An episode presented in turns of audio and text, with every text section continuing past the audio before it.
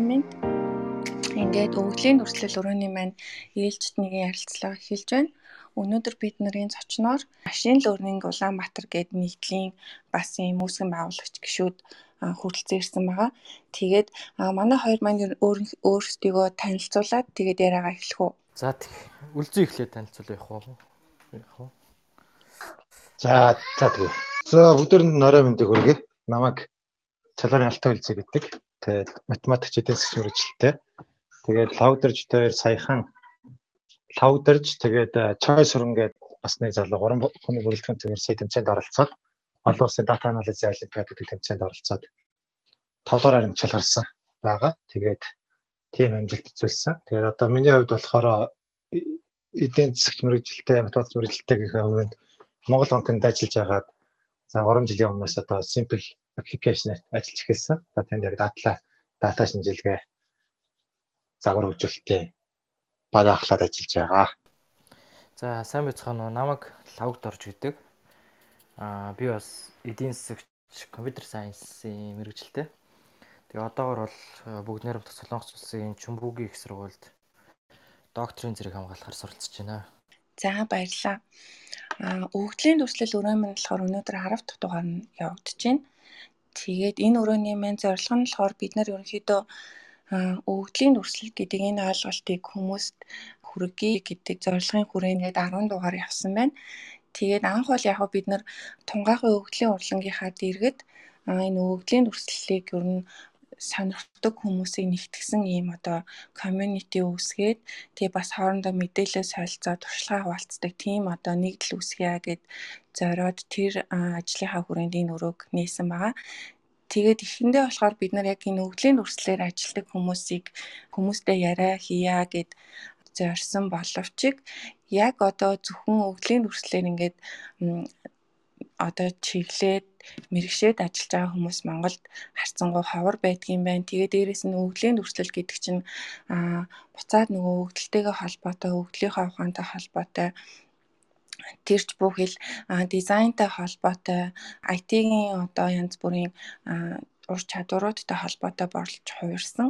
Тэгэхээр ерөнхийдөө манай өвглийн дүрслэл өрөө нь болохоор судлаачид, өвглийн шинжээчид, за тэгээ өвглийн дүрслэлээр ажилладаг хүмүүс, дизайнерууд, IT-ийн мэрэгчлээ хүмүүс За тэгээ математик, статистикч гэдэг ерөнхийдөө ийм маш өргөн хүрээний ийм одоо нэгдэл олж хувирсан. Өнөөдөр болохоор бид нэр ерөнхийдөө өвгдлийн ухааны эргэн тойронд ярилцсан.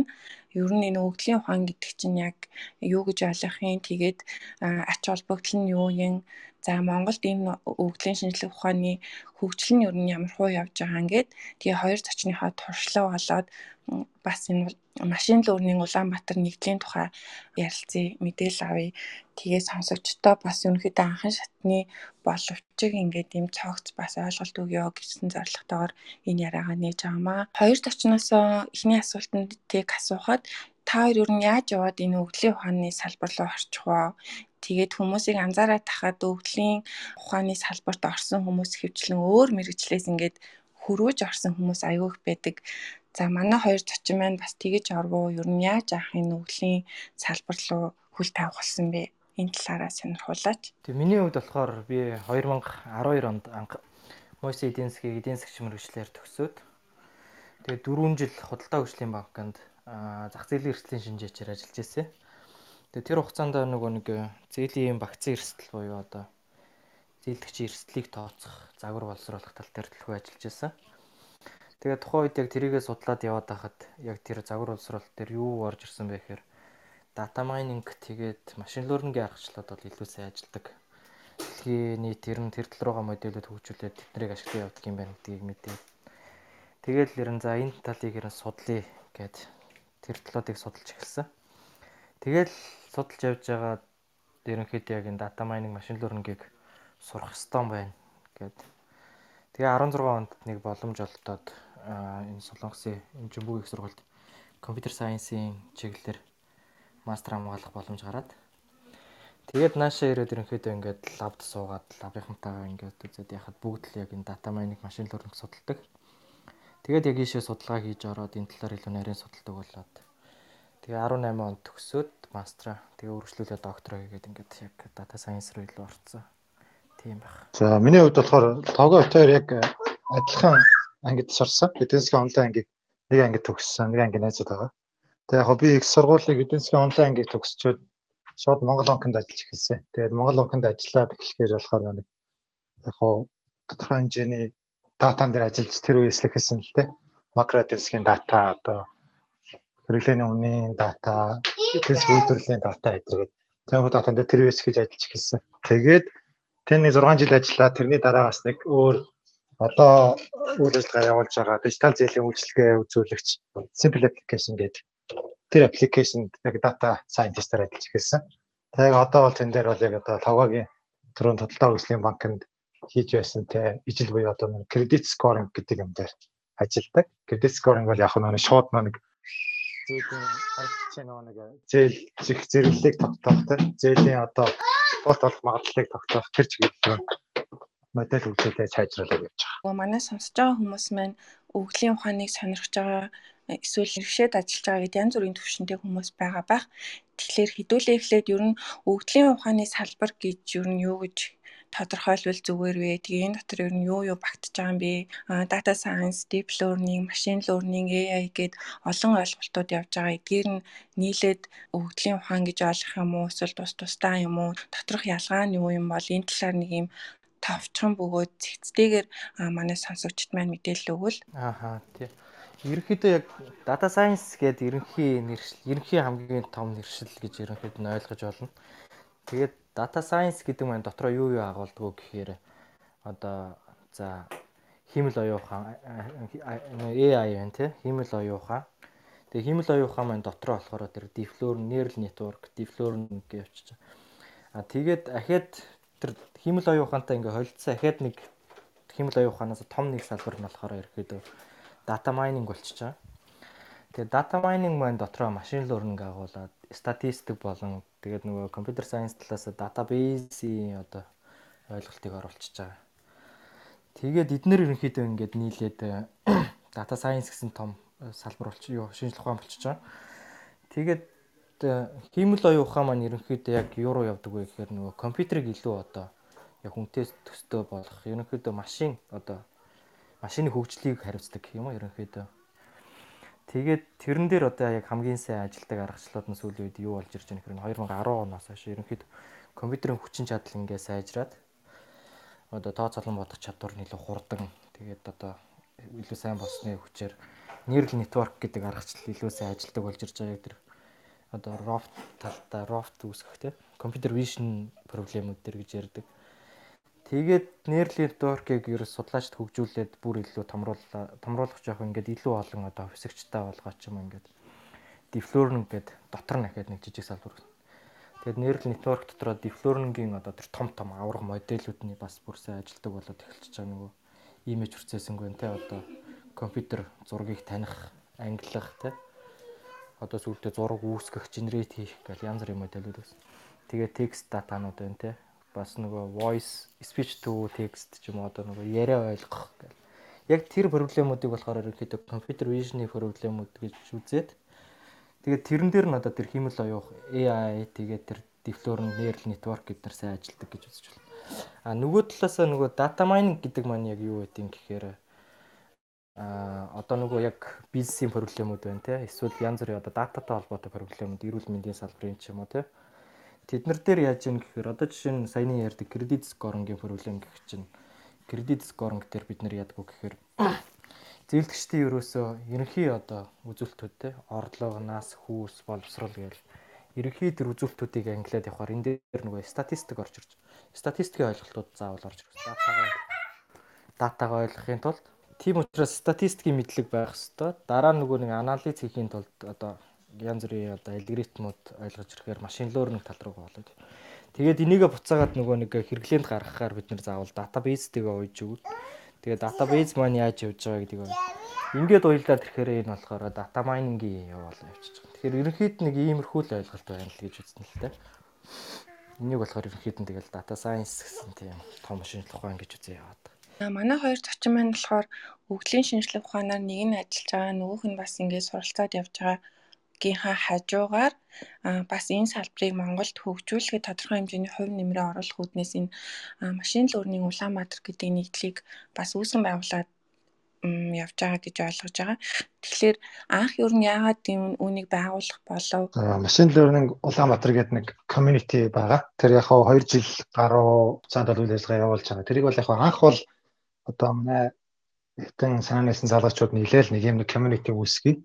Яг энэ чиглэлийг сонирхож судалдаг, энэ чиглэлээр суралцж байгаа, эсвэл энэ чиглэлээр ажиллаж байгаа залуу мэрэгчлүүдийн хоорондоо холбосон туршлага мэдлэгээ солилцох, турш мэдлэгээ бие биендээ тэгээд дэмжлэгтэйгээр дээшлүүлэх тийм community үүсгэн гэдэг санаагаар л анх үүсгэсэн. Яг машин learning Улаанбаатар гэдэг шиг одоо машин learning Токио ч гэдэг юм уу те хот хотод угаасан юм community-нууд байдаг. Тогтмол одоо бие биендээ уулзаж янз бүрийн одоо арга хэмжээ зохион байгуулах ивентүүд хийдэг тиймэрхүү тогтсон тийм боломжтой болсон community бол дэлхийн томоохон хотуудаар үүнд байдаг. Тэгээ яг манайх бол Улаанбаатар хотод энийг үүсгээд үйл ажиллагаа явуулсан. Үйл ажиллагаа явуулах хүрээндээ болохоор зарим залуу мэрэгчлэнүүд одоо судлаачдаг одоо мэдлэгийг нь дэвшлэх хүрээнд бол одоо яг мэрэгжилтнүүд экспертүүдийг урьж авчираад янз бүрийн ивентүүд те сургалтууд зохион байгуулсан. Үүнээс гадна бас нэг онцлог нэг ажил нь болохоор яг энэ дата тэмцээнүүд те яг энэ email-ийн чиглэлийн тэмцээнүүдийг зохион байгуулад яг монголчуудад зориулсан тэмцээний зохион байгуулуулад шилдэг хүмүүсийг одоо оромшуулад тийм арга хэмжээний зохион байгуулсан. Аль болох тэр тэмцээнийхээ таслахгүй үргэлжлүүлээ давтамжийг нь өндөр явуулахыг хичээдэг. Одоогоор бол нэг дөрвөн тэмцээн зохион байгуулсан. Тав дахь тэмцээнийхээ бэлтгэл ажлыг хийгээд явж байгаа. Ер нь энэ нэгдлийн одоо нэгдэлт хичнээн тооны хүмүүс хамрагдж байгаа бол За магадгүй танай нэгдэлд хамрагдж байгаа хүмүүсийн тооноос энэ салбарт ер нь Монгол улсад хичнээн тооны мэрэгчлэнүүд байгаа гэдгийг бас харах боломжтой ч үеж магадгүй. А манайх бол анх нөгөө нэг энэ community үүсгэгээд хүмүүсээс сонгон шалралт хийгээд нэг оролцох сонирхолтой залуучуудаас нь материалыг хүлээж аваад шалгаруулж авсан. Тэгээ идэвхтэй нэг 10 гаруй гишүүн байгаа. Яг бүртгэлтэй нэг 20-30 гишүүн. Яг тогтмол үйл ажиллагаанд ордог 10 гаруй гишүүн байгаа. Гэтэ яг одоо бол энэ community-д нэгдээ гэсэн залуучууд бол олон байдаг. За бид нар л одоо нэг дотоод зохион байгуулалтынхаа асуудлыг бас илүү сайжруулад дүрм журмаа боловсруулж байгаа. Тэгэхээр бас хит олуулаа болоод анхаажихаас өмнө бас дүрм журмаа зэгслээд авъя гэсэн үднэс дотоод журмаа боловсруулад одоо гишүүнчлэлийн журам бодлогоо одоогоор боловсруулаад явж байгаа. Тэрний дараагаас хүмүүс нэмээд авах бах. Тэрнээс биш бол яг нээлттэй одоо гишүүнчлэлээр хэлсэх боломж нь нээлттэй байсан бол маш олон залуучууд байх гэсэн баг. Одоо яг Монголын хэмжээнд бол одоо том том болон шахуулаад ба том томод өдөрөл дата аналисттэй ч юм уу те дата сайентисттэй болцсон одоо загвар хөгжүүлэлтэн дээр анхаардаг болсон учраас бол яг Монгол улсын хэмжээнд бол олон залуучууд байгаа. Манай community бол яг гишүүнчлэлийн бүрэн хаалттай байгаа болохоор одоохондоо бол цөөхөн гишүүдтэй үйл ажиллагаа явуулж байгаа.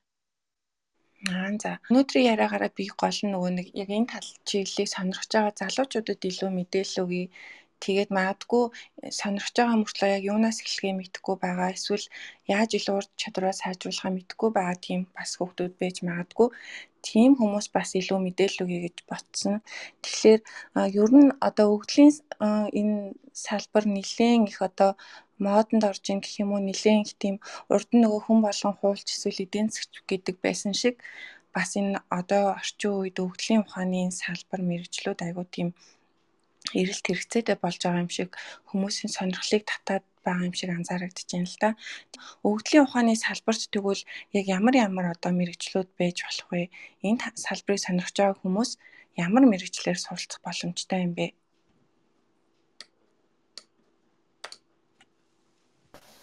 Тэг яг одоо ерөнхийдөө нөгөө ер нь бол бүхэл салбар өөрсдөө өөрсдийн гэсэн өгөгдөлтөө ямар нэгэн байдлаар Тэгээд тухайн нөгөө өгдлийг ашиглаад нэг тийм одоо тухайн шийдвэр гаргалтад одоо чухал ашигтай ч юм уу тийм. Эсвэл одоо ямар нэгэн байдлаар өгдлийг ашиглаад хүний хөдөлмөрийг хөнгөвчлөх одоо нийгэм болоод эдийн засгийн үр ашигтай нэг тиймэрхүү аппликейшнуд хийх тийм. Тэр тал руу яваад эхэлж байгаа болохоор ерөөхдөө өгдөл бол яг одоо ерөөхдөө нас хараад хад яаж ингээр өмнө нас өөрөө хэлжсэн нөгөө нэг яг бүр анханаас яг өгдлийн шинжлэх ухаан гэсэн Европ биш зүгээр одоо өөр мэрэгчлээс илүү өгдлийн шинжлэх ухаан руу ороод байна гэд. Тэ. Тэр яг тухайн салбар салбартаа судалгаа хийж байгаа хүмүүс бол яг өгдлийн шинжлэх ухааныг илүү гүнзгий үзээд арга техникүүдийн судлаад тэгээд нөгөө өөрхөө одоо салбартаа ашиглаад ингээ яваад байгаа болохоор тэр бол тухайн хүний л одоо сонирхлын л яг асуудал түүнээс ер нь бол яг ийм байна тийм байна гэсэн юм бол байхгүй. Тийм үү жишээ нь одоо эмч хүн байлаа гэхэд ялангуяа эмч тэгээ пицгийн хүмүүс айгүй их орж ирдэг. Тэгээ эмтлэгч нөгөө нэг чэйжний зурагч юм уу те янз бүрийн зурагнаас одоо тухайн хүний оншийг тодруулах тиймэрхүү аа асуудлууд дээр ерөнхийдөө бас тэр диплорингийн модулууд маш сайн ажилладаг. Тэгээд ийм ч хүмүүс гэхэд одоо өөрсдөө бие дааж одоо data science тэр юуг судлаад тэгээд тиймэрхүү судалгаанууд хийгээл явж идэг юм билээ. Тэгэхээр ер нь бол ямар ч хүн хөрвж орж болно. Тэгээд өөрөө ажиллаж байгаа салбартаа уяад юу ч хийж болно л гэсэн. Тэгээ би энэ дөр нэг юм нэмж хэлэхэд яг би ч болохоор манай лавгач юм болохоор яг академик төвшөнд сураад явж байгаа одоо доктор хамгаалж байгаа залуу. Би ч юм болохоор яг компьютер сайенсаар ч юм уу дата сайенс энэ чиглэлээр нь суралцаагүй. Яг л нэг практикээр сурсан. Тэгээ бас өөрөө би дагаад янз бүрийн тэр кодын хэл ч юм уу тэр зүйлийг бол би өөрөө би дагаа сурсан. Тэгээ над шиг ингээд өөр мөржлээс ингээд өрөөд орсон луучууд бол Монголын компаниуд бас гадны компаниуд ч шиг айгүй олон л байт юм билээ. Тэгээд бол хүн болгон л одоо аль салбарт ажиллаж байхаас үл шалтгаалаад дата шинжилгээний одоо ямар нэгэн тодорхой хэмжээний мэдлэгтэй болсон байхад бол өөр тоонд нь бол даваа тал болно. Тэгээд дээрэс нь одоо сүүлийн үед бас нэг тийм артиклууд гаргасан. Одоо олон орчин үеийн одоо нэг бизнесийн байгууллагууд ч юм болохоор одоо бизнесийн нэгжтэй, маркетингийн нэгжтэй ч юм уу те. Тэгээ сүүлийн үед л одоо Монголын компаниуд бол ингээд дата гэсэн тусдаа нэгж байх хэрэгтэй гэдгийг ойлгоод тийм нэгж үүсгээд явж байгаа. Тэнгүүд одоо болохоор дата шинжилгээ гэдэг чинь одоо бизнесийн байгууллагт ямар туслалцаа дамжлаг үзүүлэх шаардлагатай юм бэ гэхээр одоо бизнес үйл ажиллагааг дэмжих одоо шийдвэр гаргалтанд тусалсан тийм шинжилгээ, дүн шинжилгээ ч юм уу те тоо мэдээллийг боловсруулах шаардлагатай. Тэгэнгүүт одоогийн бүтцээр явхаар за бизнесийн нэгжин ч юм уу маркетингийн нэгжин одоо дата багасаа ингээд хүсэлт тавиад шинжилгээ хийлгүүлдэг тийм нэг нь бол Монголын ихэнх компаниуд тийм одоо бүтцээр яваад байгаа. Тэгэхэд бол одоо сүүлийн үед бол тиймэрхүү юм шилжээд ах шиг байгаа. Яг дата гэдэг баг бол үндсэн баг бол байдаг. Тэр бол одоо датагийнхаа бааз тасалтгүй байдал тэр модель одоо илүү хүнзгэрүүлсэн юм одоо аваад явдаг. Гэхдээ одоо бусад одоо тэр бизнесийн нэгжүүд дээр тус урд нь одоо нэг дата шинжилгээ хийж чаддаг тийм нэг мэрэгжилтнүүд тий. Тэгэхээр тус тусдаа өөрсдөө бие дагаад дата шинжилгээ хийгээд явдаг тийм бүтц рүү шилжээд багш байгаа. Тэгээ тэрийг харахаар бол одоо бизнес аналист ч юм уу тий. Бизнес аналистийн хүн бол яг дата өөрөө тодорхой гэсэн мэдлэгтэй тэргүүрээ ингээд дүн шинжилгээ хийгээд шууд өдөр тутмын ажилдаа ашиглаад явж чаддаг хэмжээний болоод тэр рүү шилжиж байгаа юм болов хараад байна. Ер нь энэ одоо датаг ашиглаад тэгээд тодорхой хэмжээний өөрийнхөө ажилдаа юм уу эсвэл салбартаа ашиглаад явъя. Энэ дата ухааны салбар руу эсвэл гүнзгийрүүлж орё гэх юм бол ер нь ямар одоо анхан шатны юм суур мэдлэгтэй байвал зүгээр санагддаг вэ та хоёрын туршлага дээр математик мэдэх хэрэгтэй юм уу статистик мэдэх хэрэгтэй юм уу гэдэг юм уу иймэрхүү асуулт гарч ирж магадгүй. Аа ер нь бол тэгээд яг нөгөө нэг датагаа эхлээд хүн ойлгоод яг ямар асуудал шийдэх гээд байгаагаа тодорхойлох хэрэгтэй байдаг. Тэгээд дараа нь нөгөө датантаа тохирсон тэр асуудалтаа тохирсон нөгөө алгоритм аргачлалаа өөрөө сонгож олох тий. Тэгээд үр дүнгээ тайлбарлаж чаддаг. Тийм төвшөнд тэр нь хүн өөрийгөө хөгжүүлэх хэрэгтэй болдог. Тэгээд аа тхийн тулд юу юу сурах хэрэгтэй гэхээр нэгдүгээр тал яг тэр нөгөө датагаа бүр ойлгохын тулд статистикийн одоо юмнуудыг бол мэдсэн байх хэрэгтэй. Жишээ нь одоо нас байлаа гэхэд олон хүний нас ороод ирэхэд энэ нас нь яг ямар тархалттай байгаа юм те. Залуу хүмүүс их вэ нүү хөшин хүмүүс их вэ нүү те. Тэднэрээ гаргаж харахын тулд одоо тэр дундаж медиан те статистикийн нөгөө тайлбарлагч статистикууд гэдэг дундаж медиан хамгийн бага хамгийн их утгууд гэл. Тэр мэр утгуудыг ирэхэд нь ойлгоцсон байх хэрэгтэй. Тэгээд түүний дараагаар юу хэрэг болох вэ гэхээр аа нөгөө дата майнингийн утгуунууд байлгалтай яг дотроо нөгөө проблемууд нь проблемууд зориулж одоо жишээ нь classification-ы task буюу одоо ангилах тийм одоо зээлдэгчийг э, чанаргүй зээлдэгч чанартай зээлдэгч гэж ангилах ч юм уу тийм энэ нэг ангиллын проблем гэж байгаа. Тэгээ дахиад нөгөө нэг кластеринг буюу одоо тэр анги байхгүй. Гэхдээ бид нар ямар нэгэн байдлаар одоо за энэ бол сайн зээл одоо юуны хэрэглэгч нарын бүлэг энэ бол одоо нөгөө хэрэглэгчийн сегментчлэх маягийн тиймэрхүү асуудал Тэгээд регрессийн таасаг буюу нөгөө гаралт нь тасралтгүй одоо тийм утгатай юм. Ингээд эднэрийгээ ойлгодог тийм дата майнингийн анхны одоо суур утгуудыг бас ойлгох Гэхдээ эдгээр нь өөрөө эхлээд статистик үзчихээ дараа нь энэ асуудлуудаа тэрэн зориулсан алгоритмууд асуудал гэсэн. Тэгээд дараа нь ерөнхийдөө үргэлжлүүлээд код руу яг хамт орчдөг байхгүй код хүч сурах асуудал руугаа. Тэгээд яг уу гэхээр нөгөө сурж байгаа тэр аргачлалуудаа өөрөө ингээд нөгөө кодыг бичээд имплементашн хийгээд үзэх юм бол хүнд илүү тогтно. Дээрэс нь кодынхоо одоо скиллийг сайжруулчихна. Тэгээд алгоритма бүр ойлгочихно. Тэгээд ирэхээр хүн ерөнхийдөө тэгэл цаашаа өөрөө бие дагаад аяг их сураа явчихна гэсэн. Түүнээс яг гүнзгий математик руу бол ороход бол шууд матбараа дараа нь энийг үзнэ гэвэл бас нөгөө программын тусламжтай бид нар юмыг амархан хийчихэд байгаа учраас яг цаад тэр гаргалгаа энтрийг нарийн ойлгохгүйгээр наа нь одоо за энэ бол энэ асуудал зориулагдсан алгоритм ингэж ингэж ажилдаг шүү тий. Ингээд ийм үр дүн гарчдаг гэд тэрийг ойлгоцсон байхад бол гүнзгий бас нэг судлаад тах тийм одоо бүр гаргалгааг нь хийгээд явдаг тийм бол хийхгүйгээр мэдэх тийм боломжтой болцсон байгаа учраас статистик тэгээд үргэлжлүүлээ шууд дата майнинг үзээ тэгэл код скиллээ сайжруулах явчихад болгоно тэгээд баг болчихно дөө. Тийм би бас лавагийн хэлсэнтэй аюу санал хэлж байна. Яг математикийн статистикийн чадварууд аюу чухал. Ялангуяа одоо алгоритм бичих гээд одоо тэр хэсэгт бол ялангуяа тэр компьютер программинг гэдэг байдаг шүү дээ. Тэр хэсгээр одоо аюу олон залуучууд Монголоос ордог болсон байлээ. Тэр залуучууд бол ямар залуучууд амжилт үзүүлж байгаа гэхээр алгоритма бичихтэй яг ямар дараалалаар яаж сэгтэй зөв бичиж байгаа нь илүү хожоод байна. Тэрнээс ш одоо математик гэдэг чинь болохоор нэг бидний 10 жил ярьдаг байсан. Математик бол нэг цэгцтэй зүс сэтгэхээс эхэлдэг гэх тийм. Цэгцтэй зүс сэтгэх нь математик сонсож гэдэг чинь тийм үг байгаа. Тэр чинь болохоор математик болохоор бидэнд яг цэгцтэй зүс сэтгэхийг зааж өгөөд байсаг байгаа. Тэгэхээр яг бодлого өгчингүүд бид нэр бодлогынхоо бүгдлийг нь маш сайн ойлгоод за ийм ийм дарааллын дагуу хийснээр бодлогын хариу зөв болно гэдэг юм уу. Тийм дарааллыг математик сурчлаараа а яг эзэмшиж авдаг. Тэр шиг бол яг одоо энэ дататай ажиллах дата шинжилгээний хэсэгт бол яг яг л тэр дарааллыг зөв тавьж ийж хийн. Тэгээд энэс цаашаага бол статистикийн мэдлэг бол нэг шаардлагатай. Араас нь болохоор код бичиж чаддаг байх хэрэгтэй л гэсэн ерөнхий шаардлага байх бах та. Тий яг тэр компьютер сайенсаар илүү сураад дараа нь дата сайенс руу орох уу эсвэл одоо эдийн засаг статистикээр сураад дата сайенс руу орох уу гэхээр миний туршлагаас харахад яг юу яасан бэ гэхээр компьютер сайенсийн чиглэлийн хүмүүс бол яг цэвэр шууд дата сайенс руу ороод ажиллахад бол хэцүү юм билээ. Ягаад тэгэхээр их хвчлэн манай бакалавр бол гаргаж байгаа хүмүүсээ юугаар гаргаж байгаа нөхөр девелопер тал руугаа гаргачихж байгаа. Тэгээд девелопер тал руугаа гарчаад гарангуудаа одоо мастерт ороод ч юм уу буцаагаад дата сайенс судлаад явхаар жоохон төвөгтөө талдаа яг нөгөө нэг одоо жишээ нь э, том том тэр дата анализ алгоритмуудын гаргалгааг хийж ойлгох тий буцаага датагаа ойлгох датагаа оруулаад гарна Жишээ нь гараад ирж байгаа хүмүүс чи яг тэр тархалтын дундаж минимум гэдэг тархалтай хараад одоо датаны хоорондох харьцааг чараач юм ойлгож байгаа төвхтөө илүү удаан сурдаг юм болов уу гэж би харсан. Тэрний оронд эдийн засаг статистикээр төгсчөөд гараад шууд евро а программын хэлээ сураад дата сайенс руу орох нь бол нэгдүгээрт гараад юугаа маш хурдан ойлгох чинь нөгөө датан дээр хэрхэн ажиллах вэ? яах вэ гэдгийг маш хурдан ойлгох чинь. Тэгээд хоёрдугаарт нөгөө хийж байгаа ажил нь илүү гүйцэтгэлтэй байдаг л та. Илүү одоо сайн үр дүн харуулдаг ч юм уу те. Нөгөөдөг чи за датагаа ойлгосон юм чинь ямар модель хөгжүүлэх үү гэдэг юм гэж байгаа. Тэгээ бидний гол хийгээд байгаа юм чи одоо жишээ нь тасагта таарсан тэр зүг алгоритмыг олж үр дүнгээл айгуу сайн байхлах гэдэг байгаа ч бас одоо тэр үр дүн нь айгуу сайн байдаг гэдэг.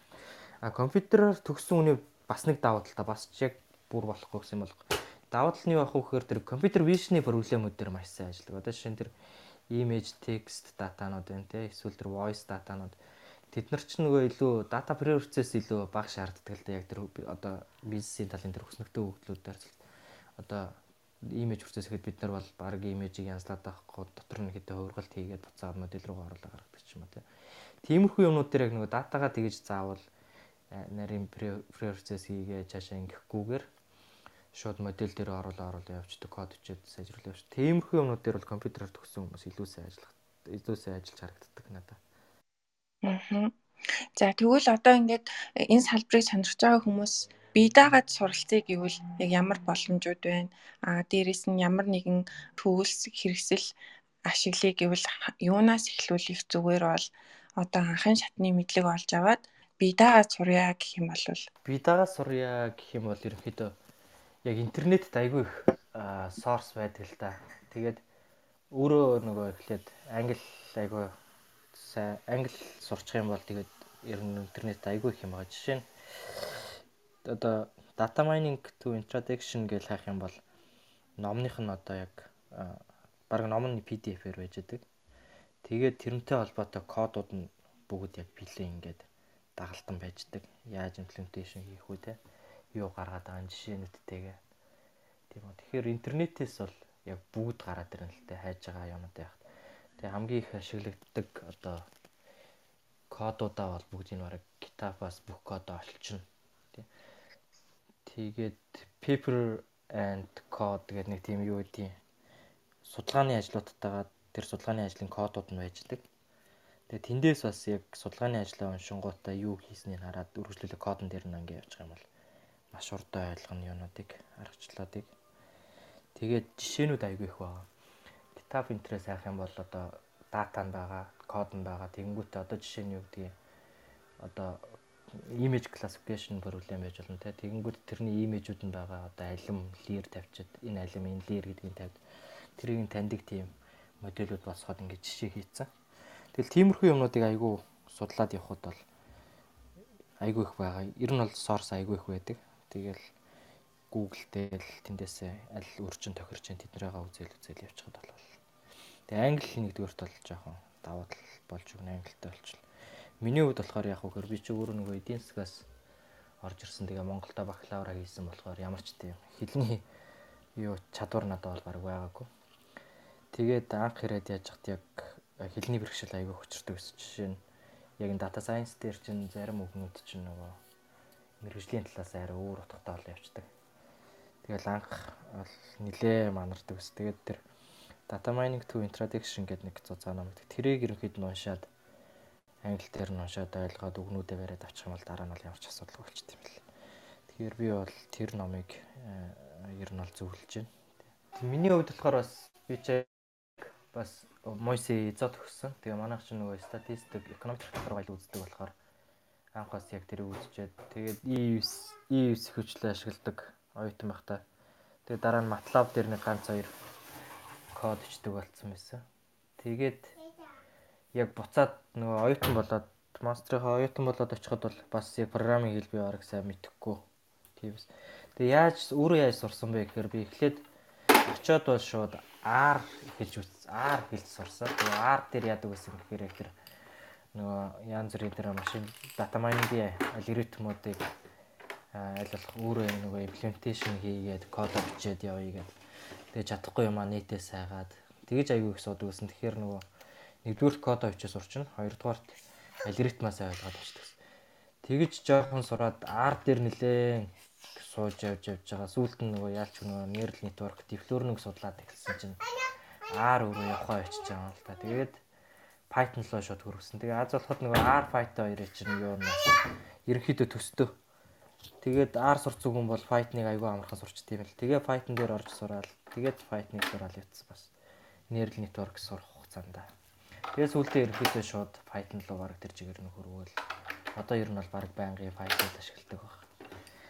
Тэгэхээр машин learning-ийн алгоритм болоод программын хэлийг яг зэрэг судлаа явуул тэр тал руугаа л юу яачна гэсэн үг.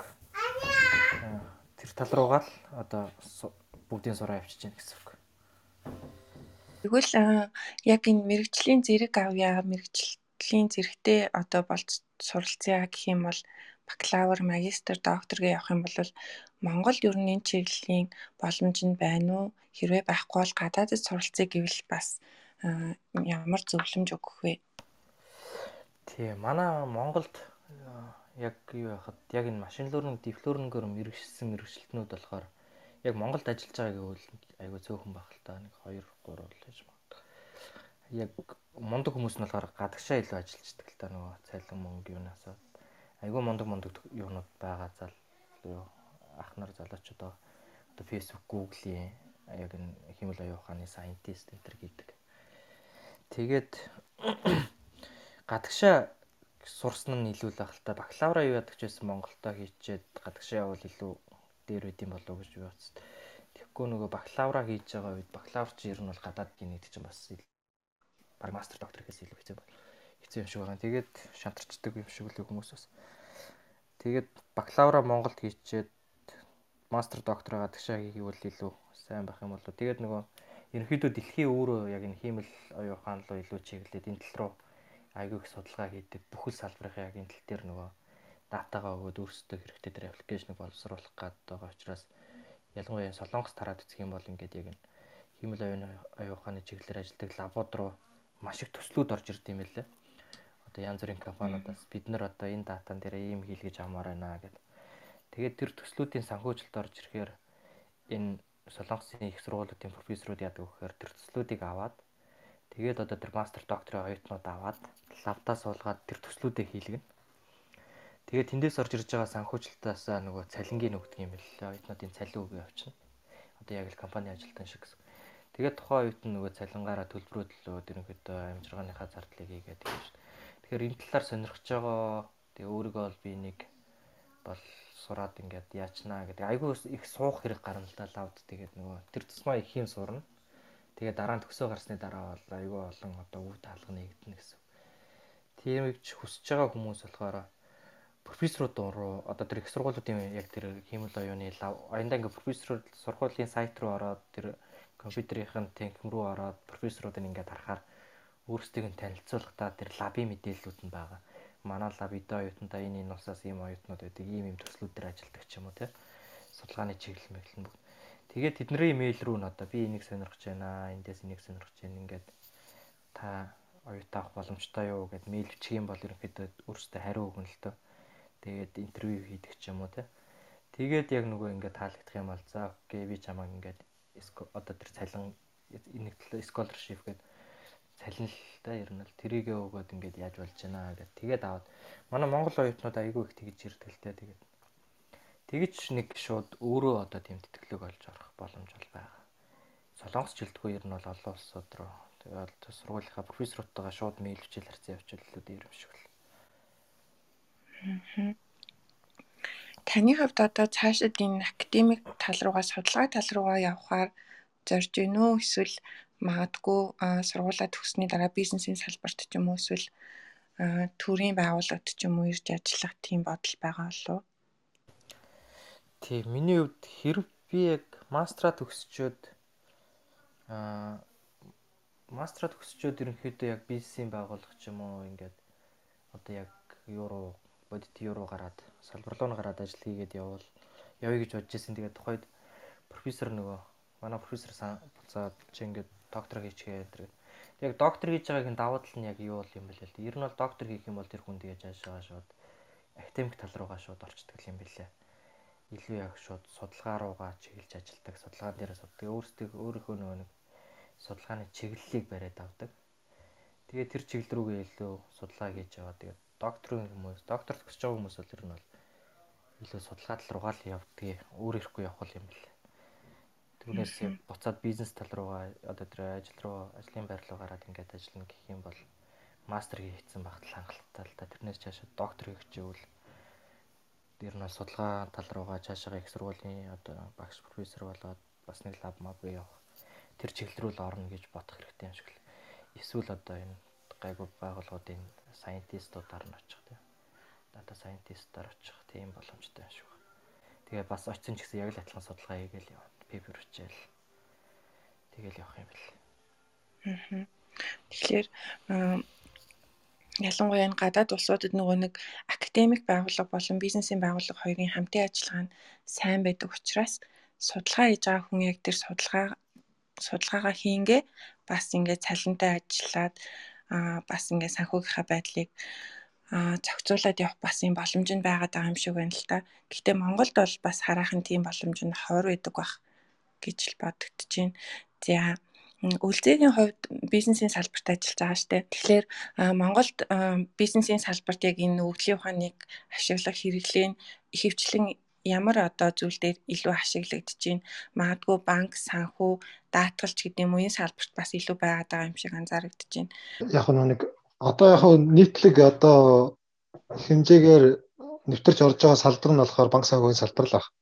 Одоо ялангуяа банкуд тэр одоо банк усууд тэр нийтээрээ л одоо кредит скоринг гэдэг юм уу те дата шинжилгээ, дата сайенс модель хөтөлбөр рүү явж ахсаг байна. Гэтэ бас бусад бас салбаруудад бас энэ оролцоонод бас нэмэгдэл багш юм. Ялангуяа одоо янз бүрийн одоо үйлчлэгээ контентын одоо одоо нийлүүлдэг компаниуд бол одоо recommendation engine ч юм уу тэр талаас нь одоо харилцаад яг аль юуг нь аль одоо контентыг аль үзэгчнээс санал болгохгүй гэдгийг recommend хийх тал дээр ч юм уу тэр талын зүйлс дээр бол яг data science-ыг ашиглаад янз бүрийн модель ашиглаад нэвтрүүлсэн хэрэглээнд оруулсан жишээнүүд бас Монголд бол хэд хэд байх шиг байна. За манай Монголын компаниуд бол аль хэдийн яг датаг ойлгоцсон дата шинжилгээ, data science ямар чухал гэдгийг аль хэдийн ойлгоод хэдийнэл одоо тэр чиглэлээр бүгдээрээ яваад эхэлсэн баг. Ер нь бол ойлгоод эхэлсэн. Тэгээ яг олон улсын дэлхийн хөгжлөөс бол эдгээр хоцорсон ч гэсэн тэгэл араас нь тэгэл гүйцгээл хичээгээл явж байгаа гэж боддоо шүү дээ. Аа simple app дээр жишээлх юм бол датаны юм хэдэн хүнтэй баг ажиллаж байна эсвэл нэг дата шинжигч ажилладаг уу?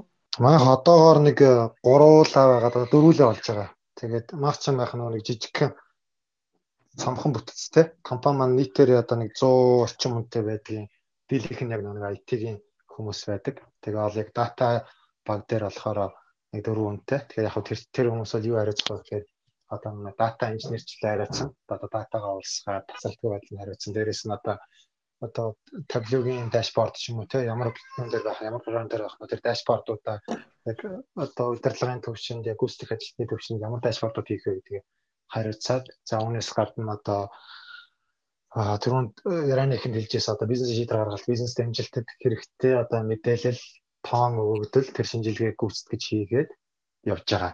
Тэг яг нэг кредит скоринг гэдэг бол бас байгаа. Кредит скоринг дээр яг одоо нэг анх нэг модель босгочоод тэр модельоо нэг дахиж нэг өөрчлөх хүртлээр бол их хугацаа ордог. Тэгэхээр нэг 6-аас 2 2 өдрийн 3 өдрийн дараагаас одоо модель мар хэр ажиллаж байна гэдэг ревю хийгээд тэрнийхээ дараагаас бол нэг өөрчлөлт оруулах юм уу тэр чиглэл рүү явж байгаа. Тэгээ бас өөр ямар модельуд байж болох вэ гэдэг талаас нь бас судлаад шинжилэл тогтмол тэр модельоо анхаарал явж байгаа даа. Аа сонирхоод асуухад танай байгууллага дээр одоо энэ датагаа боловсруулах, цуглуулах, тэгээ шинжилгээ хийх Тэгээ нөө дэшборд болгоод тайлан болгож хувирах эдгээр процессууд дээр ямар одоо төлсүүдийг ашигладаг болоо. За манайх дэшборд дээр бол одоо бол табло ашиглаж байгаа. Табло дээр л ашиглаж байгаа. Тэгээд яг манайх нэг өөрөө симплч өөрөө нэг юу авч ирсэн. Core banking systemтэй байхгүй юу? Одоо банк арилжааны банкуд чи тэгээд core banking systemтэй тэгээд core banking systemээр core banking systemтэй болохоор гадны нэг юм бодлоод авцсан болохоор дата бааз дээр бол нэг төдийлөх асуудал байхгүй байдаг. Тэгээд табло ашиглаж जैन тэрийг ашиглаж जैन. За credit scoring-ийн хувьд бол яг одоо модельо сайжруулаад хөгжүүлэл явж байгаа. Аа өгөгдлийн тал дээр та нар дотоод өгөгдлөө бол ашиглаж байгаах. Тэгээд хэрэглэгчдийнхээ өгөгдлийг ашиглаж байгаа. Аа эдгээрээс гадна одоо бусад ямар өгөгдлүүдийг хаанаас авч ашиглаж гин магадгүй нийгмийн эдийн засгийн өгөгдлүүдийг авч ашигладаг байх. Аа дээрэс нь аа төрөл бүрийн одоо өгдөл цуглуулах тийм судалгаанууд хийдэг ч юм уу иймэрхүү ажлууд хийгддэг үү? Мэдээж хэрэг тиймэрхүү ажил хийгдэл яг яг манайх ч болохоор дижитал зээлийн үйлчлэгээ үзүүлж байгаа болохоор харилцагч алдаа апп-аар ороод ирэхдээ бид нэр одоо тоон дээр кредит скоринг хийгээл явж байгаа. Тэгээ нэг үе яваад бол манай Монголын нэг дата ч өөрөө хүний дата ч аягүй сайжирсан. Харилцагч өөрөө нөгөө нэг зөвшөөрлөө өгөх юм бол тухайн харилцагч одоо хур дээр хур одоо систем дээр байгаа датаг тий зээлийн мэдээлэл дээр байгаа датаг авчиж чадна. Тэгэхээр ч юм болохоор бид нэр бол тухайн харилцагчийн одоо орлогыг нь болон одоо зээлийн төлөлтийг нь дарамтыг нь бол мэдчих чадж байгаа. Тэр хэмжээний датаг бол ашиглаад шийдвэрээ гаргадаг. Тэгэхдээ яг нь 3 дахь тэдээс бид нар мэдээлэл угаасаа авах чадахгүй. Хуулиараа тэр нь угаасаа 20-той болохоор бид нар бол яг зөвшөөрөлттэй датануудыг ашиглаад явдаг. Яг бусад нөө нэг өөр датануудыг юунд ашиглаж болох вэ гэхээр одоо нийгмийн эдийн засгийн датануудыг аваад чинь одоо ковид гараад одоо нийгмийн эдийн засаг одоо тэгэх чинь гэдэг мэдээллийг бид боловсруулсаар өөрөө нэг одоо нэг э, зөөлийнхээ нэг юу гэж чангалдаг ч юм уу тий содруулдаг ч юм уу тийм хэмжээний одоо хөшөөргүүтэй хөдлөгдөг тийм шинжилгээ хийдэг. Тэрнээс иш бол яг яг хувь харилцагчийн одоо зээлийн шийдвэр гаргалтын дээр бол өөр бусад одоо гадны нэг датаг бол ашиглахгүй. Зөвхөн зөвхөн тухайн харилцагчийн өөрийнх нь датаг өөрийнх нь зөвшөөрлөлтөөр ашигладаг. Төрөүний дугаар дээр бид нөгөө Монгол улсын нээлттэй хөгжлийн бэлэн байдлын судалгаа гэдэг нээлттэй хөгжлийн талаар бас ярьжсэн байхгүй юу. Тэгээд та хоёроос асуухад лавд оржийн хувьд жишээ нь Монголд Монгол Монголд байгаа нээлттэй өгөгдлийн одоо энэ бэлэн байдал нь Солонгос улстай харьцуулахад хэр байдаг вэ? Солонгос улсад одоо энэ нээлттэй өгөгдлийн талаар ялангуяа төрийн байгууллагуудын зүгээс ямар хөө байдлаар анхаарч ажилладаг бол за үлзээгийн хувьд бас энэ бизнесийн байгууллагын одоо хэрэглэгчид нээлттэй өгөгдлийг ашиглах, төрийн өгөгдлийг ашиглах эсвэл төрийн биш ч байсан янз бүрийн салбарын нээлттэй өгөгдлүүдийг ашиглахад ашиглахад ер нь хэр нээлттэй байдаг бол энэ дээр ер нь ямар бэрхшээл тулгардаг бол нээлттэй өгдлийн хувьд бол ерөнхийдөө Монгол солонгосын юу бол бараг ойролцоо баха. Солонгост бол бас яг өгдлийг тэгж хамаагүй нээлттэй бол байхгүй. Гэхдээ нөгөө нэг нэг давуу тал нь юу байдг вэ гэхээр эднийх системээрээ ерөнхийдөө одоо төр нь өөрөө хийгээд өгсөн нэг тийм том бааз та. Одоо жишээ нь миний над ерөөсөө нэг ID өгч нь одоо хүний регистрийн дугаар шиг. Тэгэнгүүтээ тэр ID маань ерөөсөө миний бүх мэдээлэлтэй оёгдно одоо татварын мэдээлэл байна, даатгалын мэдээлэл байна. Тэгээд иммиграшн дээрх одоо бусад мэдээлэл.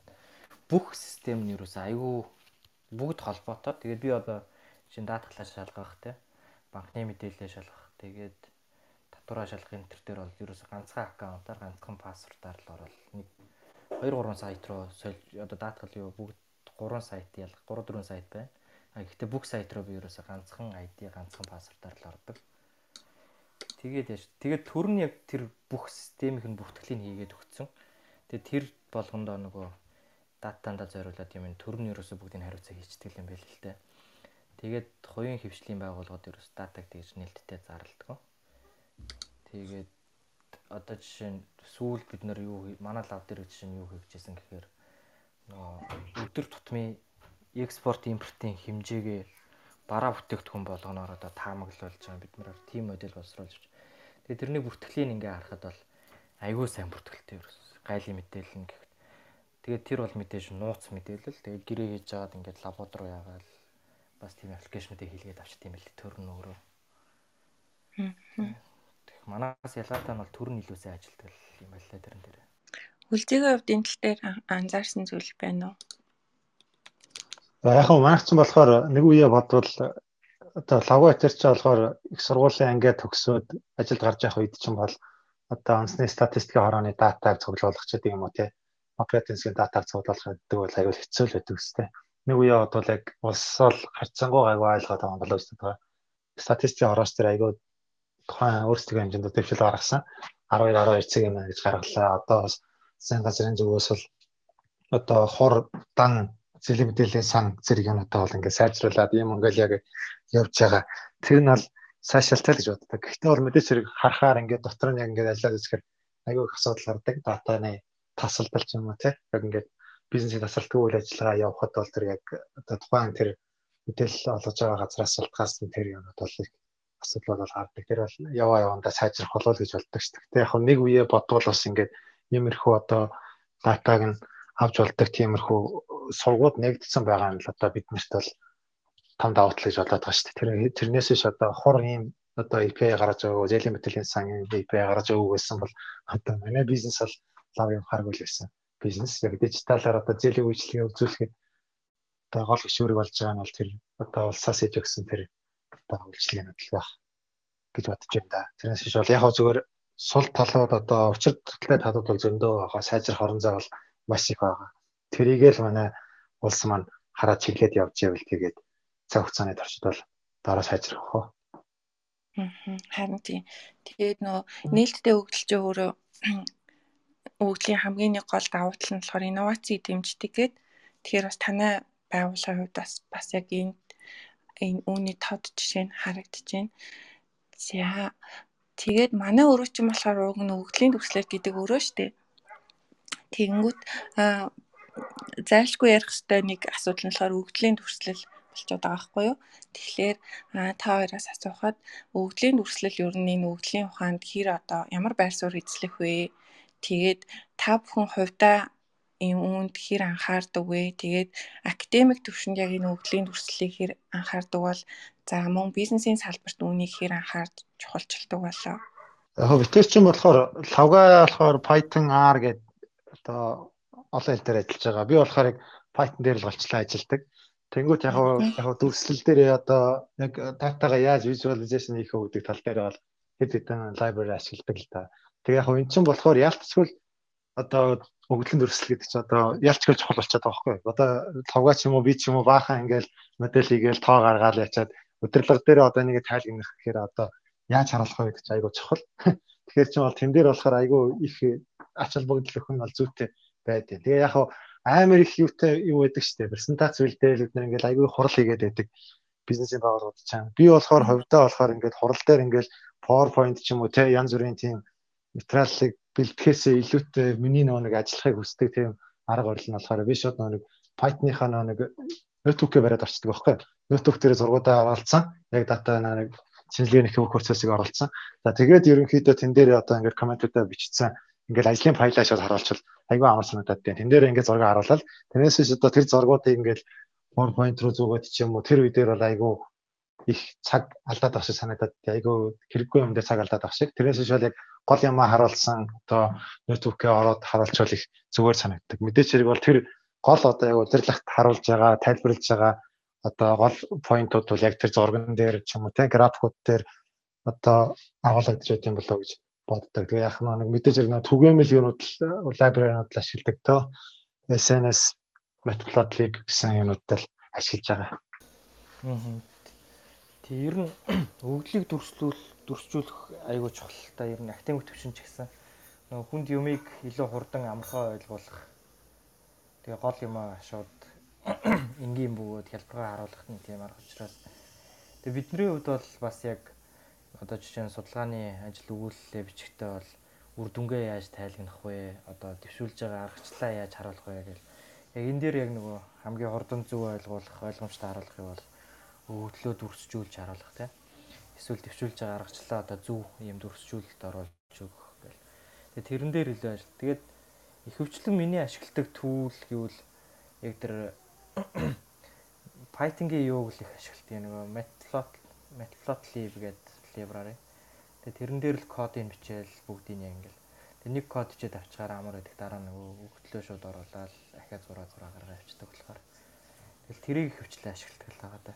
Яг энэ дүрслэл э, график зорж байгаа ч юм уу тэр хэсгээр бол одоо Python болон хэр ажлыг бол конгочилж байгаа шүү дээ. Одоо би бол хуучин одоо Molonk дээр ажилдаг байхад бол ингээл айгүй их график зардаг. Тэгэл Excel тухайн үеийн бол яг нэг Python Python ч юм уу янз бүрийн тийм програмыг ашиглахгүй одоо тэгээд Excel дээр байгаа тоо хөдөл дээр л өөрөө Excel-ийн график зардаг гэсэн. Тэгэхэд бол маш их цаг зарцуулдаг байсан. Одоо бол хавцсангуу Python дээр яачаар бол тэгэл хавцсангуу гайгүй маш их цаг хэмнээд ачаал бүтлэлийг нь одоо тэрнээс л ойлгох юм да Python-ээ.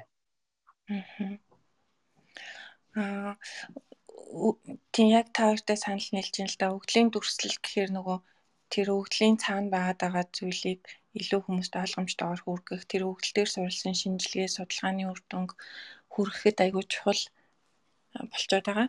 Тэгээд бас нөгөө тунгаахын өгдлийн урлангийн нэг зорилго нь болохоор энэ өгдлийн дүрслэлийг илүү хөгжүүлэх тэгээд олон хүмүүс өгдөлтэй ажилдаг олон янзын хүмүүс энэ өгдлийн дүрслэлийг одоо илүү ойлгож тэгээд илүү тийм гоё дүрслэл хийх тал дээр анхаарч ажилласаа гэдгийн зорилгоор бас ажлуудыг хийж байгаа. Тэгээд бидний харж байгаагаар өгдлийн дүрслэл хийн гэхээр бэлэн одоо та хоёр ярьж байгаа шиг Python ч юм уу эсвэл за магадгүй Excel-ээс эхлээд Python тэгээд цаашаа Tableau гэх мэтчлэн олон төрлийн төөсүүдийг ашиглаад нэгдүгээр хийж болж байна. За хоёрдугаарт нь болохоор нөгөө ямар нэгэн байдлаар одоо тухайн зөвхөн тухайн өгөгдөл эсвэл тухайн судалгаанд зориулаад одоо бэлэн түүлс ашиглахгүйгээр зөвхөн тэр судалгааны онцлог одоо тэр цаана агуулгадж байгаа санаанд зориулаад тэн дээр одоо дүрслэл бүтээх шинээр бүтээх юм бас тийм боломж байдаг. Тэгэхээр энэ тал дээр наваад үзэхээр ийм олон талын багийн ажиллагаа хэрэгтэй болцоод байгаа юм шиг анзаарэгдээд байгаа байхгүй юу. Тэгэхээр судлаач өөрөө байж гин, өвлийн шинжээч нь байж гин. Тэнгүүд тодорхой хэмжээгээр дизайны шийдлүүд хэрэг болно, дизайнер хэрэг болно. Аа тэгээ нөгөө IT-ийн код бичдэг хүмүүсүүд хэрэг болно гэх мэтчлэн. Тэгэхээр олон улсын түвшинд харахаар нөгөө өвлийн төсөл гэдэг чинь бүр ингээд урлагийн бүтээл шиг ингээд бүр тийм хэмжээнд болчихсон. Тэнгүүт өнөөгийн бидний ашиглаж байгаа зүйлсүүд болохоор нөгөө нэг төдийлөн тийм тийм том хэмжээний ач холбогдол өгөхгүйгээр тодорхой хэмжээнд ач холбогдол өгж байгаа. Гэхдээ бүр тийм урлагийн бүтээл шиг ч юм уу тийм одоо багийн ажиллагаа цаана явагдаад ч юм уу тэгж хараахан хийхгүй байгаа юм шиг анзаарэгдэж байгаа. Гэхдээ яг энэ тухайн өгдөл одоо тухайн ажлын зорилгоос хамаарат бас бүх зүйл дээр тийм өглийн төрслөл хэрэгтэй гэж бас хэлж болохгүй л ахalta. Тэгэхээр аа та хоёрын хувьд жишээ нь өглийн дүрслэл хийхэд одоо ингээ Python-ы одоо код бичдэг ч юм уу эсвэл тэн дээр байгаа дүрслэлүүдийг ашиглаж явах явцад жишээ нь ямар нэгэн байдлаар өөр одоо тийм дизайны ч юм уу эсвэл эсвэл одоо тийм хэрэглэгчийн хэрэглэгчэд одоо юу таалагдах вэ гэдэг нэг тийм маркетингийн ч юм уу нэг тиймэрхүү нэмэлт одоо тийм ур чадвар шаардлагатай юм байна гэдэг ч юм уу тиймэрхүү зүйл анзаарэгдэжсэн үү? Тий яг та. Одоо жишээ нь би одоо нэг судалгааны ажил биччихлээ гэхэд би одоо аргачлаа ч үр дүнгээ айгаа дүрсжүүлэлт муутай эсвэл ерөөс дүрсжүүлэлт хийхгүйгээр төснөгч юм уу тавиад явуулчих юм бол вэ гэхээр нөгөө одоо миний судлааг уншаад ревю хийж байгаа хүмүүс яадаг вэ гэхээр анханасаа нэг үзэмж нь муу болохоор тэгээд тэр сэтгэлээрээ хандаад ч юм ингээд режект хийлгэх юм бол. Тэрний хажууд ингээд илүү гоё одоо дүрсжүүлэлт хийгээд хүний харагдаад айгүй гоё болсон юмуд бол айгүй амархан аксет хийдэг ч юм уу. Тэгэхээр яг тэр дизайн талаас юмыг яаж одоо гоё бөгөөд ойлгомжтой харагдуулах уу гэдэг бас анхны хүнсдэг өгч байгаа сэтгэлээс ахуулаад ойлгомжтой болоод ирэхээр тухайн тэр хүний одоо хэрэгжилж байгаа тэр хүмүүст аюул сайн зүв одоо юу сайхан мэдрэмж өгдөг юм шиг байна. Тэгээд нөгөө эрэг сэтгэлтэй болж ирээд ингээд яадаг учраас аюул чухал юм байл л дээр. Үйлчээгийн хувьд бас бизнесийн байгууллагууд чинь нөгөө тодорхой хэмжээний нөгөө маркетинг ажилдаа бас өгдлийн төрслүүдийг ашиглах нь бас их анзаарагдаад идэг. Нөө сошиал хуудасууд дээрээ тодорхой хэмжээний өгөглийн шинжилгээний нэг тийм жижигхэн мэдээ ч юм уу манай хэрэглэгчийн та одоо ингэж өслөө эсвэл ашиг ингэж өслөөч гэдэг юм уу тиймэрхүү зүйлсээ дүрслэх харуулах тэгээ маркетингийн зорилгоор ашиглах нь бас их байдаг юм шиг үлээ. Энд дээр ер нь ямар зүйлсүүд анзаарагддаг бол А манай байгууллага бол яг маркетинг дээр идэвхтэй ажилладаг гэсэн яг дата одоо виз тал дээр ч юм уу те сошиал медиа хуудсан дээр тэр тоон өгөл харуулсан тийм юм бол нэг хийж байгаагүй. Яг манай багцсан болохоор өөрсдөө нэг дашборд хөгжөөлтөй хариуцдаг болохоор яг нэг гүйцэтгэх удирдлагууд эсвэл яг нэг дунд түвшний менежерүүдэд одоо шаардлагатай мэдээллийг нь одоо тогтмол одоо ингээл графикаар ч юм уу те дашбордоор харуулж байгаа. Тэр үедэр бол яг ингээл дашбордын өнгө үзэмжээс эхлэлэл чухал да мэдээж хүнд харуулж байгаа юм чинь. Тэгээд тийм л юм дээр нь л ажилдаг да. Тэрнээс иш бол яг бүр амар тийм гоё ганган тийм пенси юм бол нэг тэгж хийж чаддаггүй. Тэрнээс иш бол яг одоо гол нь одоо юу чинь болохоор яг дата өгөгдлийг одоо хүнд харуулах чинь болохоор айгүй ойлгомжтой л байх хэрэгтэй шүү дээ. Айгүй хэцүү тэгээ олон тийм одоо бар болон баартай тийм чарт зурцсан байвал тийм хүн ойлгохгүй тий. Айгүй хэцүү өнгөтэй байх юм бол хүн одоо ингээд цааргална гэдэг ч юм уу тиймэрхүү асуудлуудаа бодолцож л байх хэрэгтэй баг. Тэгээд өмнө нь болохоор нэг бас Молоконд байхдаа одоо мөнгөний одлогын зөвлөлт ч юм уу тийм Молокны нөхөлөгчид нарт одоо яг график зураал ордог байсан болохоор харьцангуй тэр тэр тал дээр бол надад бол гайгүй байсан юм санагдаад. Тэгээ одоо бол би одоо өөрийгөө яавал зүгээр ингэж л боддог вэ гэхээр одоо одоо нэг хөвшсөн нэг төрлийн одоо бидний одоо хэрэглээс орсон графикууд байдаг шүү дээ тий. Одоо темплейтүүд тэрнээс илүүтэй шин шин одоо гой гой юмнуудыг оруулж ирвэл бас нэг илүү арай нэг датанаас арай өөр үнцгийг харуулах боломж нь нэгдэх юм болоо гэж боддог. Яг тиймэрхүү шинэ одоо темплейтүүд шинэ одоо хэлбэрүүдийг ашиглах юм бол одоо бидний одоо уламжлалт одоо тэр зурдаг тийм дашбордуудаас юм уу тэднээс өөр ялгаатай тэдний харуулж чаддаг өөр илүү гоё үнцгийг харуулж чадах юм болоо гэж боддог. Тэгэхээр тиймэрхүү юмудаас сурах хэрэгтэй болоо гэж боддог. Бол одоо бол юу яг уламжлалт яг нэг тогтсон хэдин график дээр л ихэнхдээ одоо юмнуудаа хийдэг байхгүй. Тэгээ тэрэн дээрээ л харуулад явдаг. Аа.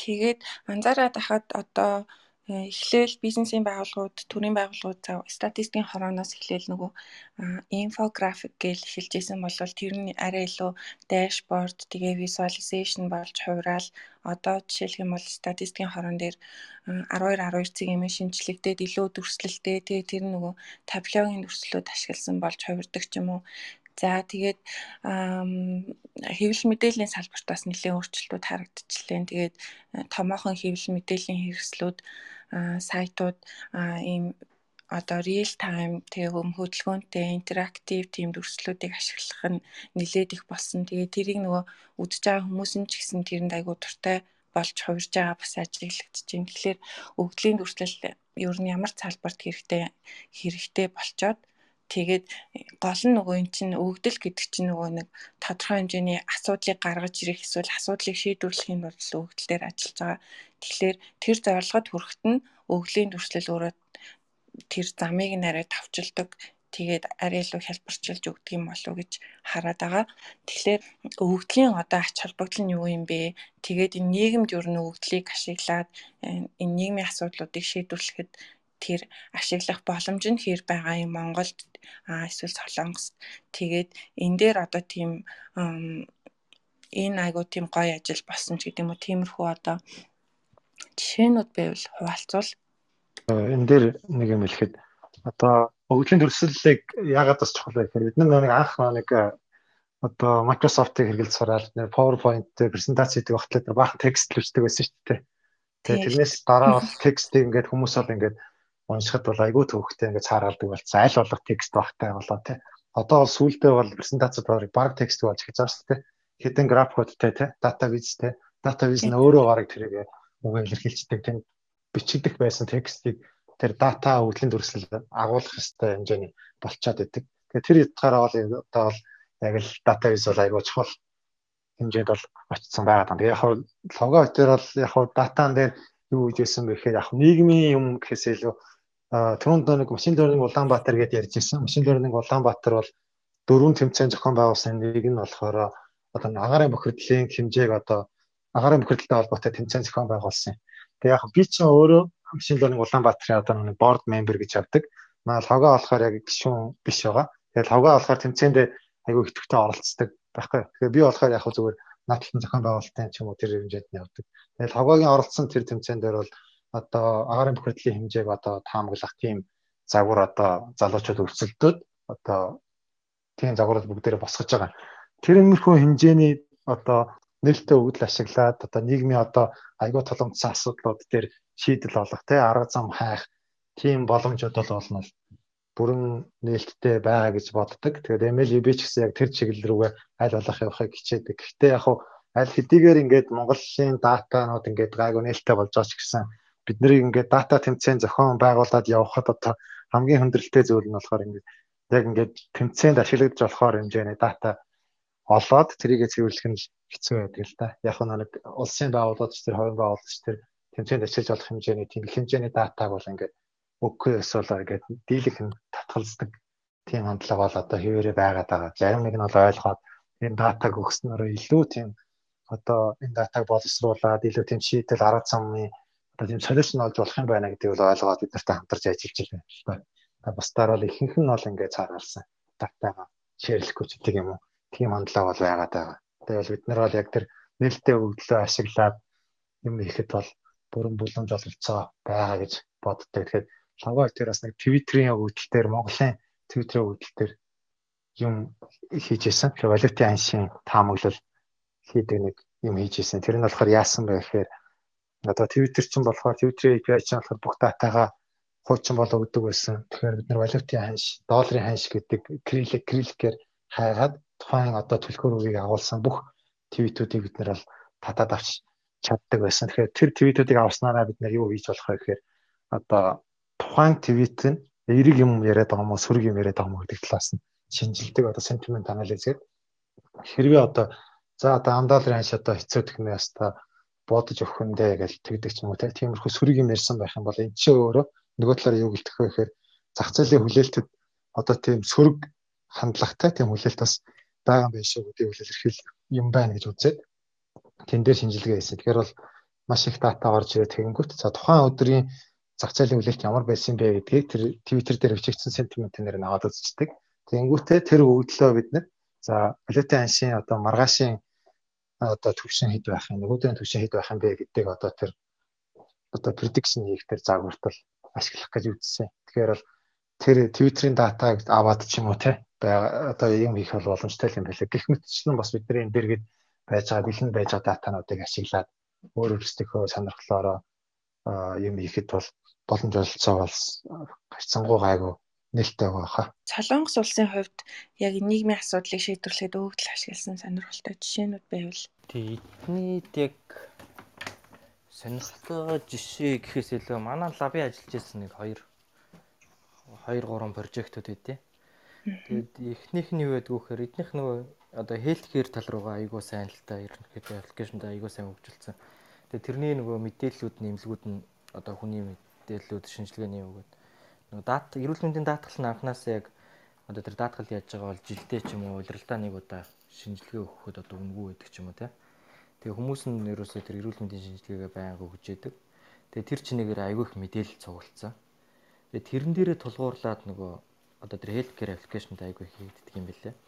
Жишээ нь одоо тухайн хүн ингээд смарт watch ч гэдэг юм уу те тэрэн дээрээ ингээд алхалтанд бүртгэж байгаа. Тэр хүнээс судасны цохилт, зүрхний цохилтын тоомоо бүгд бүртгэгдээд а дээрэс нь тухайн хүн өөрийнхөө эцсийн хоолны мэдээллийг одоо өглөө өдөр орой гэдээ оруулах юм бол тэд нар нь бүртгэгдээ. Тэгээд тэндээсээ нөгөө хүний одоо сахарын шижинтэй болох эрсдлийг ч юм уу те эсвэл hypertensionтэй болох эрсдлийг ч юм уу ингээд яадаг. Тэднийг ингээд тооцоолдог одоо хиймэл оюухан ашигла юу модель боловсруулад тэгээд нөгөө хүний яг ингээд одоо эрсдэлтэй бүлэг рүү ордог ч юм уу те Тэгээд ирэнгүүт аларм өгөөд одоо та ингээд очиж имлэгт үзвэл ингээд шинжилүүлээрэй гэдэг юм уу те.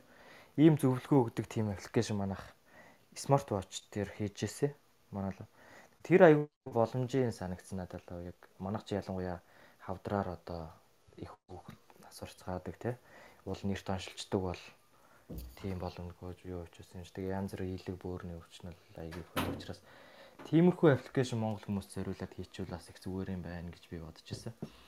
Аа тэгээд нөгөө нэг нь болохоор одоо яг энэ ковидтай ойролцоо бас вэ гэхээр эднийх нөгөө нэг тэр халдвар төвчний одоо төв үндэсний төв гэж байдаг. Тэгээд тэр нь болохоор вэ гэхээр ингээд тухайн өвчлөж байгаа хүмүүсийн тоог ерөнхийдөө ингээд бүртгэжээд имлгүүдээс имлгүүдийн мэдээлэл аваад нэг өвчнөр нэг төрлийн өвчнөр те. Тэгээд тэр хүний бүртгэлийн тоог ингээд өдөр өдрөөр нь бүртгээ явж байгаад а гэтэл одоо энэ ковид ч юм халдвар төвчин тарахаар яадаг вэ гэхээр нөгөө 3 4 өдөр дараалал тэр өвчлөж байгаа хүмүүсийн тоон тогтмол хэмжээнд байх ч юм ингээ өсөө өсөө явцдаг. Тэгээд ирэхээр за энэ болохоор байлаа шүү энэ ямар нэгэн халдвар төвчөнд тарж ийн гэдгийг одоо мэддэг ч юм уу те. Тэгээд тэн дээр хариу аргах хэмжээ авдаг тийм алармын системтэй юм билээ бас.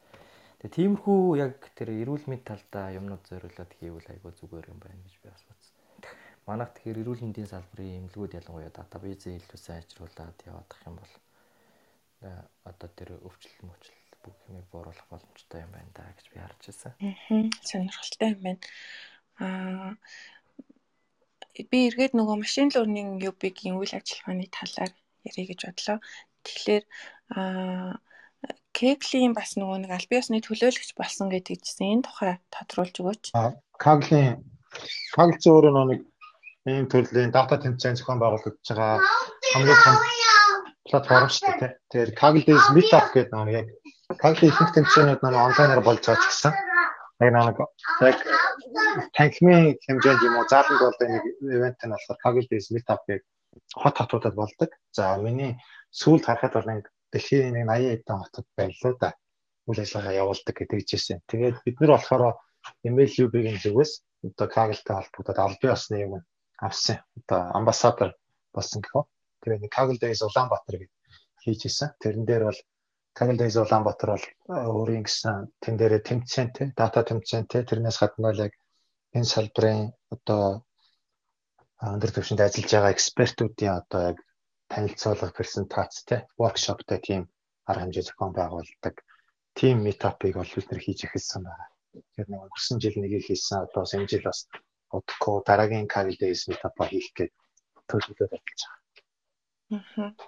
Deep learning AI гэд бас байгаа шүү дээ. А тэгээ deep learning AI чинь бас Эндрю Янг гэдэг байгаа шүү дээ. Coursera-гийн үүсгэн байгуулагч. Эндрю Янгийн одоо үүсгэн байгуулсан нэг project нь болохоор deep learning цэг AI юм. Deep learning цэг AI чинь бас нэг high-end AI гэдээ бас яг Kaggle meetup шиг бас тийм арга хэмжээтэй. Тэгээд тэдний зүгээс бас бид нартай холбогдоод Улаанбаатар хотоос үйл ажиллагаа өргөжүүлмээр байна ийм төлөвлийн одоо community байгаа юм байна. Хамтарч ажилламаар байна гэдэг тэгсэн. Тэгээд бид нэр бас хамтарч ажиллаегээд аль бие усны яваа эрэхтэйгээр Pioneer-ийг сая бүхнийхээ арга хэмжээг саяхан зохион байгуулсан. Тэгээд бас дараагийн арга хэмжээ бас удахгүй таны 3 дугаар удирлаас зохион байгуулж байгаа. Аа. Ерөнхийдөө MLUB дээр нэлээх тэмцээнүүд болон бас нэг том хурал зохион байгуулагдсан. Энэ бүгдээс харахад яг тэмцээнүүд турлуудын ач холбогдол нь яг юу гэж харагдчихэв. Тэгээд оролцогчдын хандлагын оролцоо хэр байв, хэр өргөн хүрээг хамарч байв. Тэгээ нөгөө та нарын энэ салбарын одоо э, салбарыг хөгжүүлэх тэр нэгдлийг бий болгох гэдэг дээр та эдийн зорилго хэр хэрэгжиж байгаа анзаарэгдсэн бэ? А тий. Оо манай MLB-ийн зорилго ч угаасаа нэг энэ чиглэлийн залуучуудыг л өсөө олуулаа болоод тий. Яг энэ чиглэлээр судалгаа хийж байгаа, ажиллаж байгаа мэдээ туршлагатай залуучууд олон болоосаа тэр залуучууд нь хоорондоо бие биендээ мэдээлэл одоо туршлага хуваалж байгаасаа л гэж зорилготой ажилладаг. Тэр хэмжээнд бас олон хэмжээнд зохион байгуулсан. Олон залуучууд идэвхтэй оролцдог. Тэгээ бас шинээр энэ энэ салбарыг сонирхож судлаа орой би одоо яг яавал дээр үү гэж асууж сонирхдаг залуучууд бас их байдаг нь бас одоо бидний одоо хийж байгаа ажлын бас одоо үр шим юм болоо гэж боддتي. Яг хөө зүгээр яг энэ салбарт ажиллаж байгаа одоо яг салбарт нь сурцсан ч юм уу те ямар нэгэн байдлаар тодорхой мэдлэг туршлагатай болсон залуучууд бол тэмцээнд ороод үйл тусаад дэвшлүүлээд явхаас гадна энэ салбар руу одоо орё гэсэн салбараар сурыг гэсэн залуучууд бас олон болж байгаа нь харагддаг. Тэгэхээр бас энэ бол манай аюуны давуу тал манай одоо давуу тал жоох манай одоо community-гийн зорилго бас тодорхой хэмжээнд биелж байгаа нэг одоо үзүүлэлт юм болоо гэж хардаг. Тэгээ бас өшөө цаашаал олон олон тэмцээн, олон олон арга хэмжээ зохион байгуулад тасралтгүй бүр одоо нэг давтамжийг нь улам бүр нэмээд зохион байгуулмаар байгаа. Тэр хэмжээгээр бас үр шим нь үр дүн гарах болоо гэж найдаж байгаа. MLUB дээр зохион байгуулсан тэмцээнүүдийн үр дүнг ер нь цааш нь хэр ашигладаг бол саяны агаарын бохирдолтой холбоотой тэр нийтийн тээвэртэй холбоотой эдгээр тэмцээнүүдээс гарсан шийдлүүдийг ер нь бодит амьдрал дээр ашиглах, ашиглуулах тийм боломж ер нь байсан уу? Аа яг тийм ашигласан туршлага гэд бэлэн юм хэлэхэд бол одоогор бол хумсхан байна. Гэтэ яг зүгээр байгууллагуудад ч юм уу хувийн байгууллагатай хамтраад ажиллаа гэж бодоход хувийн байгууллага нь өөрөөсөө бид нарт өгөгдлөө өгөөд тухайн нэг асуудлыг проблем дэвшүүлээ. Тэр асуудлынх нь хүрээнд бол ингээд асуудал шийдэл олоод өрсөлддөг. Тэгээд явхад бол тэр тэмцээнд амжилттай орсон залуучуудын шийдэл, амжилттай орсон залуучуудын одоо тэр бүтээлүүд бол тэр байгууллага бол бүрэн эзэмших хэрэгтэй байдлаар ч юм уу тэгж явдаг. Тэгэхээр бол уул нь бол өмнө ажилласан компаниуд бол яг ингээд э, одоо хамгийн ихний тэмцээний UB Smart Card гэдэг одоо автобусны юуны компани байдаг. Тэр компани датан дээр бид нэр ажиллаад одоо өрсөлдөж байсан. Манай логоч тэмцээнд оролцож байсан. Тэгэхээр тэр компани бол тэр тэмцээнд орсон. Одоо нийт одоо бүтээлүүд бол тэр компанид ашиглах одоо бүрэн боломжтой боломж нээлттэй байдлаар л үлдэж байгаа. Тэрнээс шүүл яг ашиглаад яатсан ч юм уу те нэг яг ашиглаад одоо үйл ажиллагаанд хөвшүүлсэн ч гэдэг юм уу. Тим одоо туршлага бол одоо би бол бүрэн хэлж бэлэн хэлж мэдэхгүй байна. Гэхдээ бол энд тэмцээний одоо одоо дараа нь тэмцээний дараа одоо шийдлээ танилцуулах юм уу тий агарын бохирдол дивийн асуудлын юунаас л агарын бохирдол байна шүү гол факторууд нэг байна шүү гэдэг тэр тэмцээний тайлан одоо танилцуулга нь өөрөө одоо нийгэм тодорхой хэмжээний зөв мэдлэг мэдээлэл өгч байгаа гэдгээрээ бас илүү яг шууд одоо амьдрал дээр хэрэгжихээс илүүтэй бас том давуу тал юм болов гэж боддог. Тэр утгаараа бас одоо тэмцээн болгоныхоо дараа шийдлээ хэлэлцсэн тийм тайлангийн хурал маягийн юм бол бид нар тогтмол зохион байгуулалт явуулдаг. MLUB дээр нэрээ сургалтууд зохион байгуулагдаж байгаа лөө.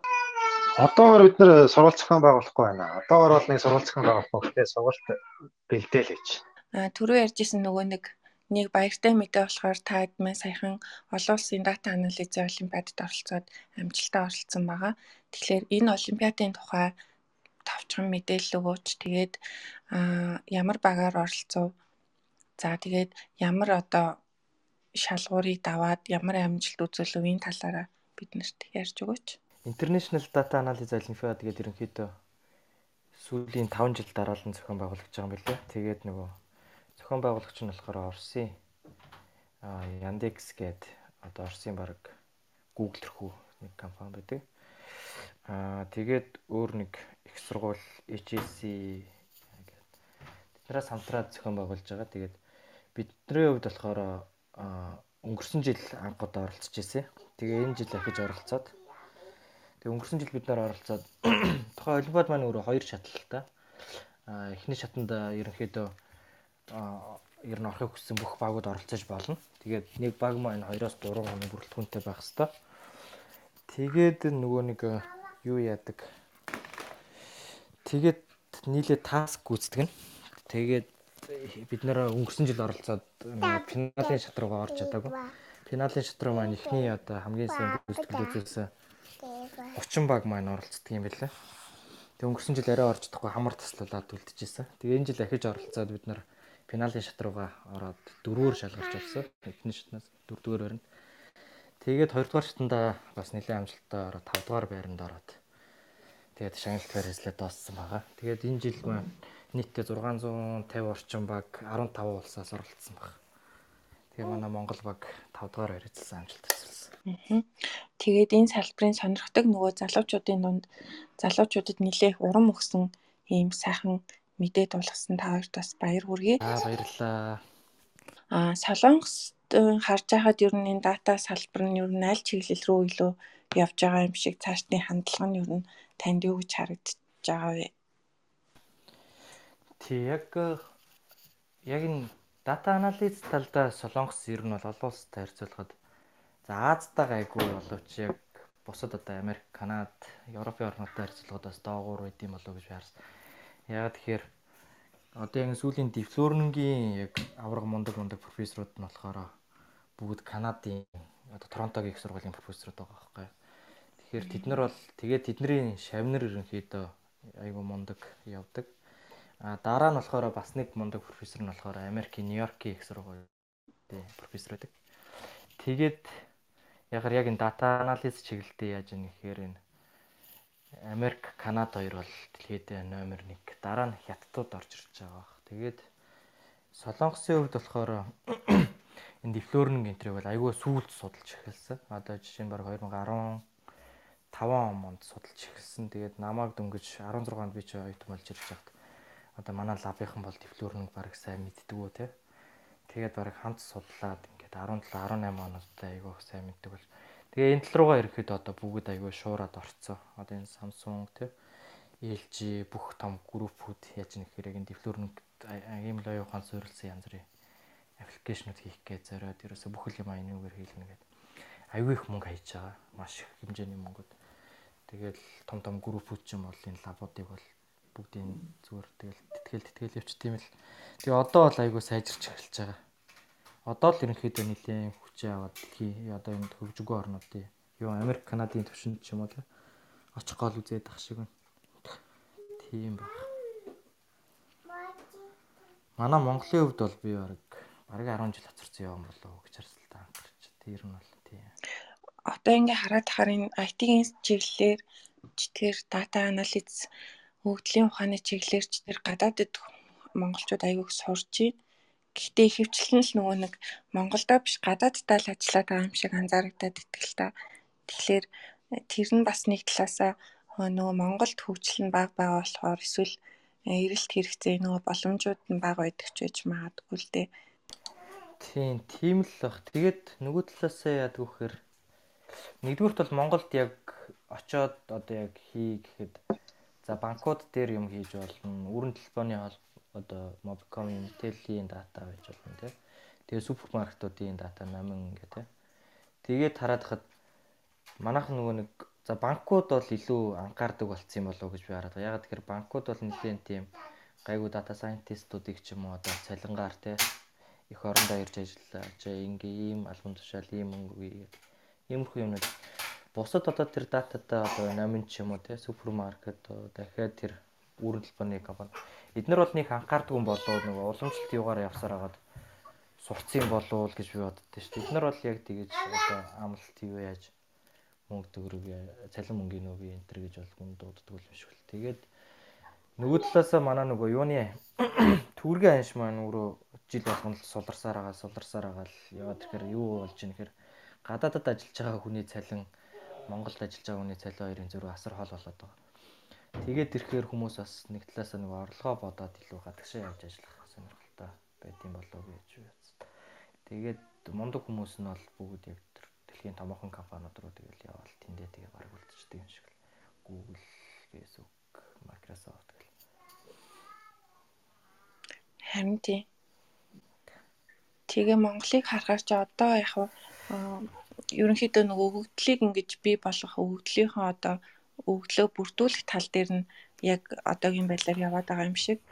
Тэгээ ялангуяа энэ төрийн нөгөө нэг нээлттэй өгдлийн талаар баримталж байгаа бодлого тэгээ энэ хуур систем гэх мэтчлээ эдгээр жишээнүүдийг хараад ахаар өгдлийг бол ингээд бий болгоод эхэлж байна. Тэгээд гэхдээ тэрийгээ ерөөсөө тийм үр дүнтэйгээр ашиглаж хараахан чадахгүй байгаа юм болов гэж анзаарэгдаад байгаа байхгүй юу? Тий. Ер нь бол яг тийм. Манайхаа нэгдүгürt систем нь өөрөө тэр тал руугаа бас хөгжөөгүй байна тий. Хоёрдугаар хэрэглэгчнэр нь бас өөрсдөө яг бэлэн болоогүй юм болов уу гэж би бодсон шүү дээ. Одоо Улаанбаатарын хэрэглэгчид гэхээс хөдөө орон нутгийн хэрэглэгчид бол одоо яг тэгээд хэрэглээ тэндээ хэвшүүлнэ гэдэг нэгдүгээр бас жоохон хэцүү бах. Дид үтс муута тий. Интернетээс ахуулаад сумуудын хэрэглэгч нар ч юм баг датанаас одоо утасны датанаас өөр юм байхгүй. Тийм болохоор би дид үтс муута нэгдүгээрт хоёрдугаарт тэгээд өөрсдөө нөгөө бас суурин хийх системэж төрнөж сайн хийхгүй байгаа юм болов уу гэж боддоо шүү дээ. Хувийн байгууллагууд банкуд л ер нь хамгийн түрүүн маш сайн хийх байх л гэж бод. Аа дата номац гэд хурал чинь жил болгон зохион байгуулагдах билүү? 20 онд зохион байгуулагдсан тийм. Энэ дээр нэг манай өрөөнд бас энэ яриа хийж байгаа өрөөнд манай нэг MLUB-гийн бэлгээ манай одорцсон байна. Бэлгээг бэлгээ дэше гарч ирэл энэ тухай нэг яриад өгөө бэлгээ. Сайн уу бэлгээ? Аа сайн байна уу? Бүгдд нь орой минь. Орой минь.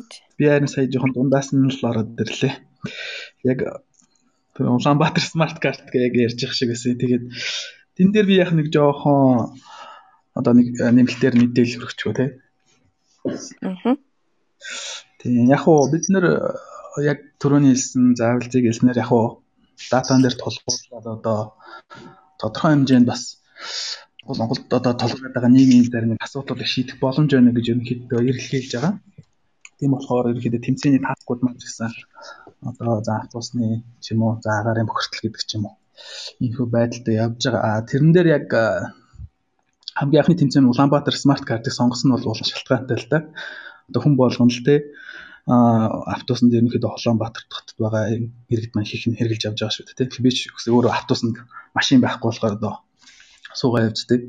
Тэгээд яг энэ тулгарсан асуудлыг ингээд яг шийдье гэдэг ер нь Улаанбаатар смарт карта баг дата авах гэж 2 сар орчим болсон баха. Нилийн удаагийн хилцэл ч юм уулзалт хийж авсан. Аа тэгээд яг бид нар хоёр шийдэл гаргасан байхгүй юу? а хоёр тэмцээн явагдсан гэсэн үг. А эхнийх нь болохоор яг автобус одоо тухайн одоо таны одоо тий хүлээж байгаа буудал дээр ер нь хэдэн минутын дараа ирэх юм бэ тий тодорхой чиглэлээс ингээд хөдөлж байгаа автобус за нэг 15 минутын дараа ирэх нэ гэдэг ч юм уу. За хоёр дахь нь болохоор тухайн буудал дээр ер нь хэдэн хүн а ер нь сууд юм бэ ачааллыг хэмжих маягаар ийм хоёр шийдлийг бид нар гаргаж өгсөн байгаа. Эхний тэмцээний үр дүн одоо төрүүлсэн баг маань болохоор миний санаж 59 секундын алдаатай байлээ да. Тэгэхээр за нэг 15 минутын дараа ирнэ гэх юм бол одоо 16-аас 14 минутын хооронд бол ер нь ирчихнэ гэсэн үг. Тэгээд Улаанбаатар смарт картын аппликейшн байдаг. За тий тэр нь аппликейшн дотор миний харж байгаа нэг 20 минут 30 минут ч юм уу нэлийн таймтай хугацаа харуулдаг. Тэгээ тэрийг бол манай энэ системийн одоо систем ч гэжтэй тэмцээний солиушныг ашигласан бол одоо илүү наривчлалтайгаар юм таних боломжтой болсон. За тэгээ бид нар тэр шийдлийг бүгдийг нь хүлээлгэж өгсөн харамсалтай нь яг уу бас байгууллагын онцлог байсан байж магадгүй. Улаанбаатар смарт карт маань одоо тодорхой хувийн солонгос ч гэдэг юм нэг юм асуудалтай. Тэгэхээр яг тэр хөгжүүлэлт энэ төр дээр нь шууд за хийчихье гэхээр бас нэлээд асуудалтай байд юм шиг байлээ. Тэгэхээр манай яг гаргаж өгсөн шийдлийг одоо яг нэвтрүүлсэн хэсгийг сайн мэдэхгүй байна. А бидний зүгээс бол ямар ч байсан консалтинг хийгээд ингээд нэвтрүүлэхэд нь бол нь бол бүрэн нээлттэй гэдэг саналаа бол ямар ч гэсэн хэлсэн байгаа. Уул нь их гоё шийдэл орчоосэй гэж хүсдэг. Тэгээ харамсалтай нь орохгүй л байгаа шиг харагддаг юм. Тийм тийм байгаа. Зя. Харин тийм тэр нийтийн тээврийн асуудал бүр нэрээ уг нь тийм шийдэл оруулчвал айгүй гоё. Одоо байгаа тэр аппликейшн дээр байгаа цаг нь болохоор нэг тийм тогтмол маягийн цаг л яваад ах шиг харагдаад идэв шүү дээ. Мосын амар санаа багш бас нэг тийм нийтийн тээвэр дээр нэг шинжилгээ хийгээд аа бас нэг шийдэл гаргах гэжсэн шиг санагдаж байна. Яг нөгөө цаад төрийн байгууллага нөгөө юу хоёр маань л сонирхол нь бага байгаа дах шүү. Үнтэй ашиглах. Энэ датаны хувьд бол бид нар яг яг юу болсон бэ гэхээр нэгэн гэрээлцэл хийгээд нэгэн асуудалтай болж байгаа. Мөс ерөнхийдөө манай ягс ихний нэлийн одоо одоо тусалж тэмцсэн гэх юм уу да. Яг үүндээ бол мөс байгаагүй бол бид нар ихний тэмцээн маань зохиогдох бас боломжгүй байсан. Аа тэр дата гаргалтын дээр бол амар санаа өгч юм уу. Одоо бас маш их тусалсан байгаа. За тэгээд ерөнхийдөө датагаа аваад ерөнхийдөө эхний тэмцээнээ тийм хийсэн байна. А Моси хувьд ч гэсэн нээлттэй болгоосаа гэдэг бас хүсэл байдаг юм билээ. Тэгээд яг хуу асуудал нь нөгөө компани хувьд болохоор одоо Монгол Солонгос гэдэг ингээд дата нь бас дундын ч юм уу тийм нэг тийм грей зонд байдаг байлээ. Аа. Уул нь бол нэлийн ажлууд бол тийм амар санаа агшийн хувьд ч гэсэн хийгдсэн яг судалгаан дээр нь ажиллаж байсан хүүхэд маань гэсэн бас тэмцээнд орсон байгаа. Амар санаа агшийн тий. Аа. Сонирхолтой гоё тэмцээн болсон даа ч тэгээд төвөр дүнгийн бол нэвтрүүлчихвэл хүмүүст их хэрэгтэй л байгаад байгаа. Тий. Харин тий. Аа бэлгээ дээр түрүү нөгөө дата номоц арга хэмжээний талаар жоохон тодруулж ярьж өгвөл. Аа за дата номоц Ерөнхийдөө яг манай MLB-ийн анхны одоо яг пабликт чиглэсэн том арга хэмжээ байсан. За тэгээд яг бид нар чинь 4 сар зохион байгуулж тэрнээс өмнө болохоор яг дата номоцын өмнө болохоор түрүүн хэлжсэн Улаанбаатар Smart Cast-ийнхаа хоёр тэмцээнийг яг дуусгаад а ерөнхийдөө хоёр хэсэгтэй тодорхой бас guest speaker болон тэмцээнийхээ үр дүнг одоо гэдгийг сайн эзэлсэн багуудын үр дүнг танилцуулах яг ийм ивентээр нь болж исэн. За баг лайв яваад баг 4 5 цаг орчмын лайв явсан баг тий. За нэлийн чанга бас тийм юу болсон. Уул нь бол бид нар яг физикал ивент яг төлөвлөж исэн боловч ковидын нөлөөнөөс болоод онлайн болж исэн байгаа да. Тэгээд энэ жилийн хувьд бол бас бид нэр нэлийн бас олон ивентийг төлөвлөсөн байгаа. Ямар ч сан дата номоцыг бол жилдээ нэг удаа угаасаа хийгээд явах юм плантай байгаа. За хажуугаар нь бид нэр одоо а манай ивентийн дунд Kaggle Days Meetup тэгээд бас энэ Deep Learning AI-ийн одоо бид нэр одоо элчин юм ambassador болсон байгаа. За тэдний одоо and AI хэмэх бас ивентийг ингээд зохион байгуулах хэрэгтэй болсон байгаа. Тэгэхээр бид нэр яг хоо нэлээд шахуу бас хөтөлбөртэй байгаа. Тэгээ бидний яг бас мембер гэх юм уу да гişүүдээ бас сайн хэлж чадахгүй. Ковидын одоо улмаас болоод ерөнхийдөө бид нар дандаа онлайнаар маа төлөвлөөд яваад байгаас манай ерөнхийдөө идэвхтэй 10 гаруй гişүүд байгаа. Тэгээд 10 гаруй гişүүдийн хувьд бид нар бас нэлээд олон ивент юу хийх бас болчоод жоохон хойшлуулж байгаа. Гэхдээ бид нар ямар ч байсан энэ жилдээ тэн зохион байгуулах байгаа. Тэгээд ганцхан дата номоц биш Kaggle Days Meetup болон Pioneer AI хэмэх ивентүүдийг ерөнхийдөө хийхээр тийм төлөвлөд байгаа. А үлдсэн ерөнхийдөө тэр ивентүүдийн талаар ярьсан болов. Би нэг ерөнхий ойлголт тодлоо гэсэн дөө. Бас ерөнхий л юм ярьсан. Аа зөв зөв. Энэ нь бол яг бас ивентүүд маань хоорондоо бас жоохон ялгаатай байхаар бид нар хийж байгаа. Ерөнхийдөө Kaggle Days Meetup гэдэг бид нар бас өнгөрсөн жил анх удаагаас хийсэн байгаа. За Kaggle Days Meetup хэмээх бас энэ ивент нь болохоор за энд бол ихэнх хүмүүс нь Kaggle-ийн талаар ойлголттой байгаа гэж бодож байна. Тэ? За Kaggle Days Meetup гэдэг нь болохоор ерөнхийдөө энэ Kaggle одоо идэвхтэй оролцдог Kaggle-ийн Grand Master ч юм уу тэ. Маструуд ерөнхийдөө спикерүүдээр нэлээд оролцдог. Нэлээд тэмцээн жишг юм уу яг энэ практикт тулгуурсан өөрсдийнхоос одоо туршлагаа ярьдаг ийм ивент байгаа. Тэгээ бид нараас яг Kaggle Days Meetup-ыг болохоор яг За MLB дээр зохион байгуулах гэж байгаа ивентийн яг дараа за энэ тэмцээнүүдэд ер нь хэрхэн оролцох вэ гэдэг ч юм уу.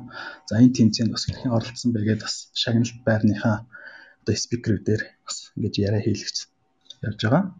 За Pine AI-ийн хувьд бол илүү юм чөлөөтэй ийм ивент байгаа. За тэгээд ерөнхийдөө бол за business class ч гэдэг юм уу те зөвхөн одоо engineering class харахгүйгээр бас business class нь харах ч гэдэг юм асуудыг илүү өргөн хүрээгээр харъя гэдэг талаасаа спикерүүдээ сонгоод ингээд явж байгаа. Ерөнхийдөө бид нар бол гурван ийм төрлийн ивентийг ямар ч гэсэн ингээд зохион байгуулад MLB маань явж байна. Тэгээ энэ жилдээ бас тий нэлээд шахуул одоо болж байна. Ямар ч гэсэн бас удахгүй бас ивентийн юм бас зарлагдаад явах болно. За а email cube-ийн мэдээлэлүүд бол нөгөө Facebook дээр байгаа тий бас Instagram-тай өөрчн ямар сууж Twitter байгаа. Twitter Machine Learning UP гэдэг Facebook дээр авах юм бол манай пэйж байгаа шүү. а бэлгэн маань өөрийгөө нэг танилцуулах уу сонсогчдоо За тий. За намайг бэлэг сайхан гэдэг. Тэгээд ерөнхийдөө найзууд маань бэлгээ гэж дууддаг болохоор энэ бэлгээ гэж явчтээ. За тэгээд миний хувьд болохоор миний Япон улсад ерөнхийдөө computer vision robotics чиглэлээр сурж тэгээд эндээ бас ажиллаж байгаад тэгээд одоо Монголдо 17 онд ирээд одоо Анд Global-ийн хүн компани Systems гэх компанид ажиллаад явж байна. Тэгээд яг хуу Японд байх хугацаанд болохоор Аа яг Японы Kaggle гэх юм одоо Японд бас тийм data science платформ одоо тэмцээн явагддаг платформуд байдаг. За яг тэрэн дээр нэг бас сайт байгаа signate.jp гэдэг одоо нэр нь өөрчлөгдсөн. За тэрэн дээр би нэлээд оролцдог байсан.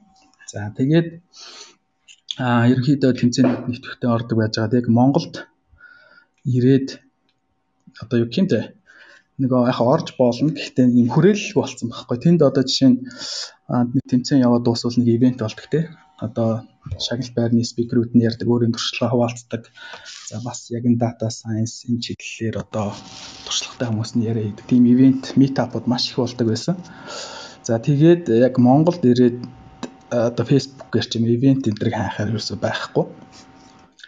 Тэгээд за яг энэ ч одоо ингээд би одоо хаанаас мэдээл олж авах вэ те одоо хаанаас суралцж авах уу гэдэг чинь бас өөрөө бас сурсан юм яаж хөргөх үү гэдэг ч юм уу.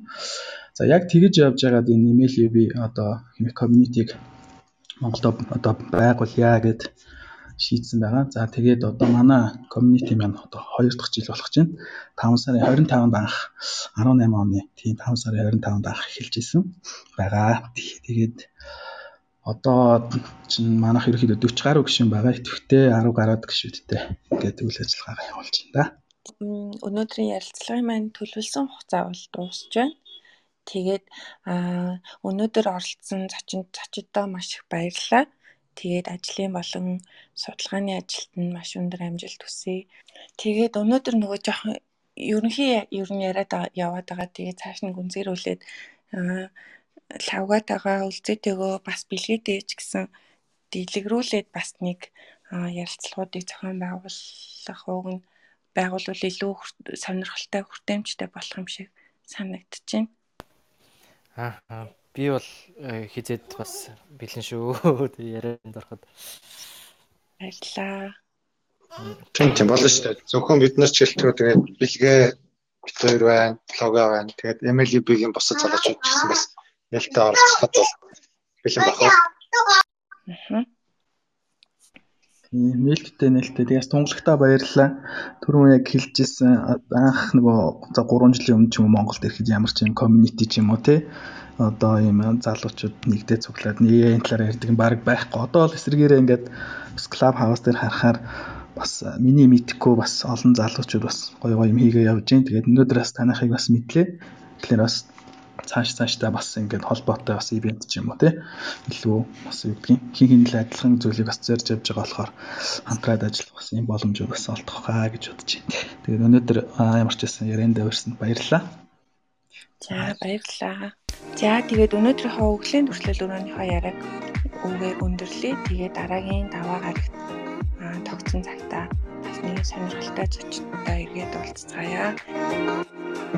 Thank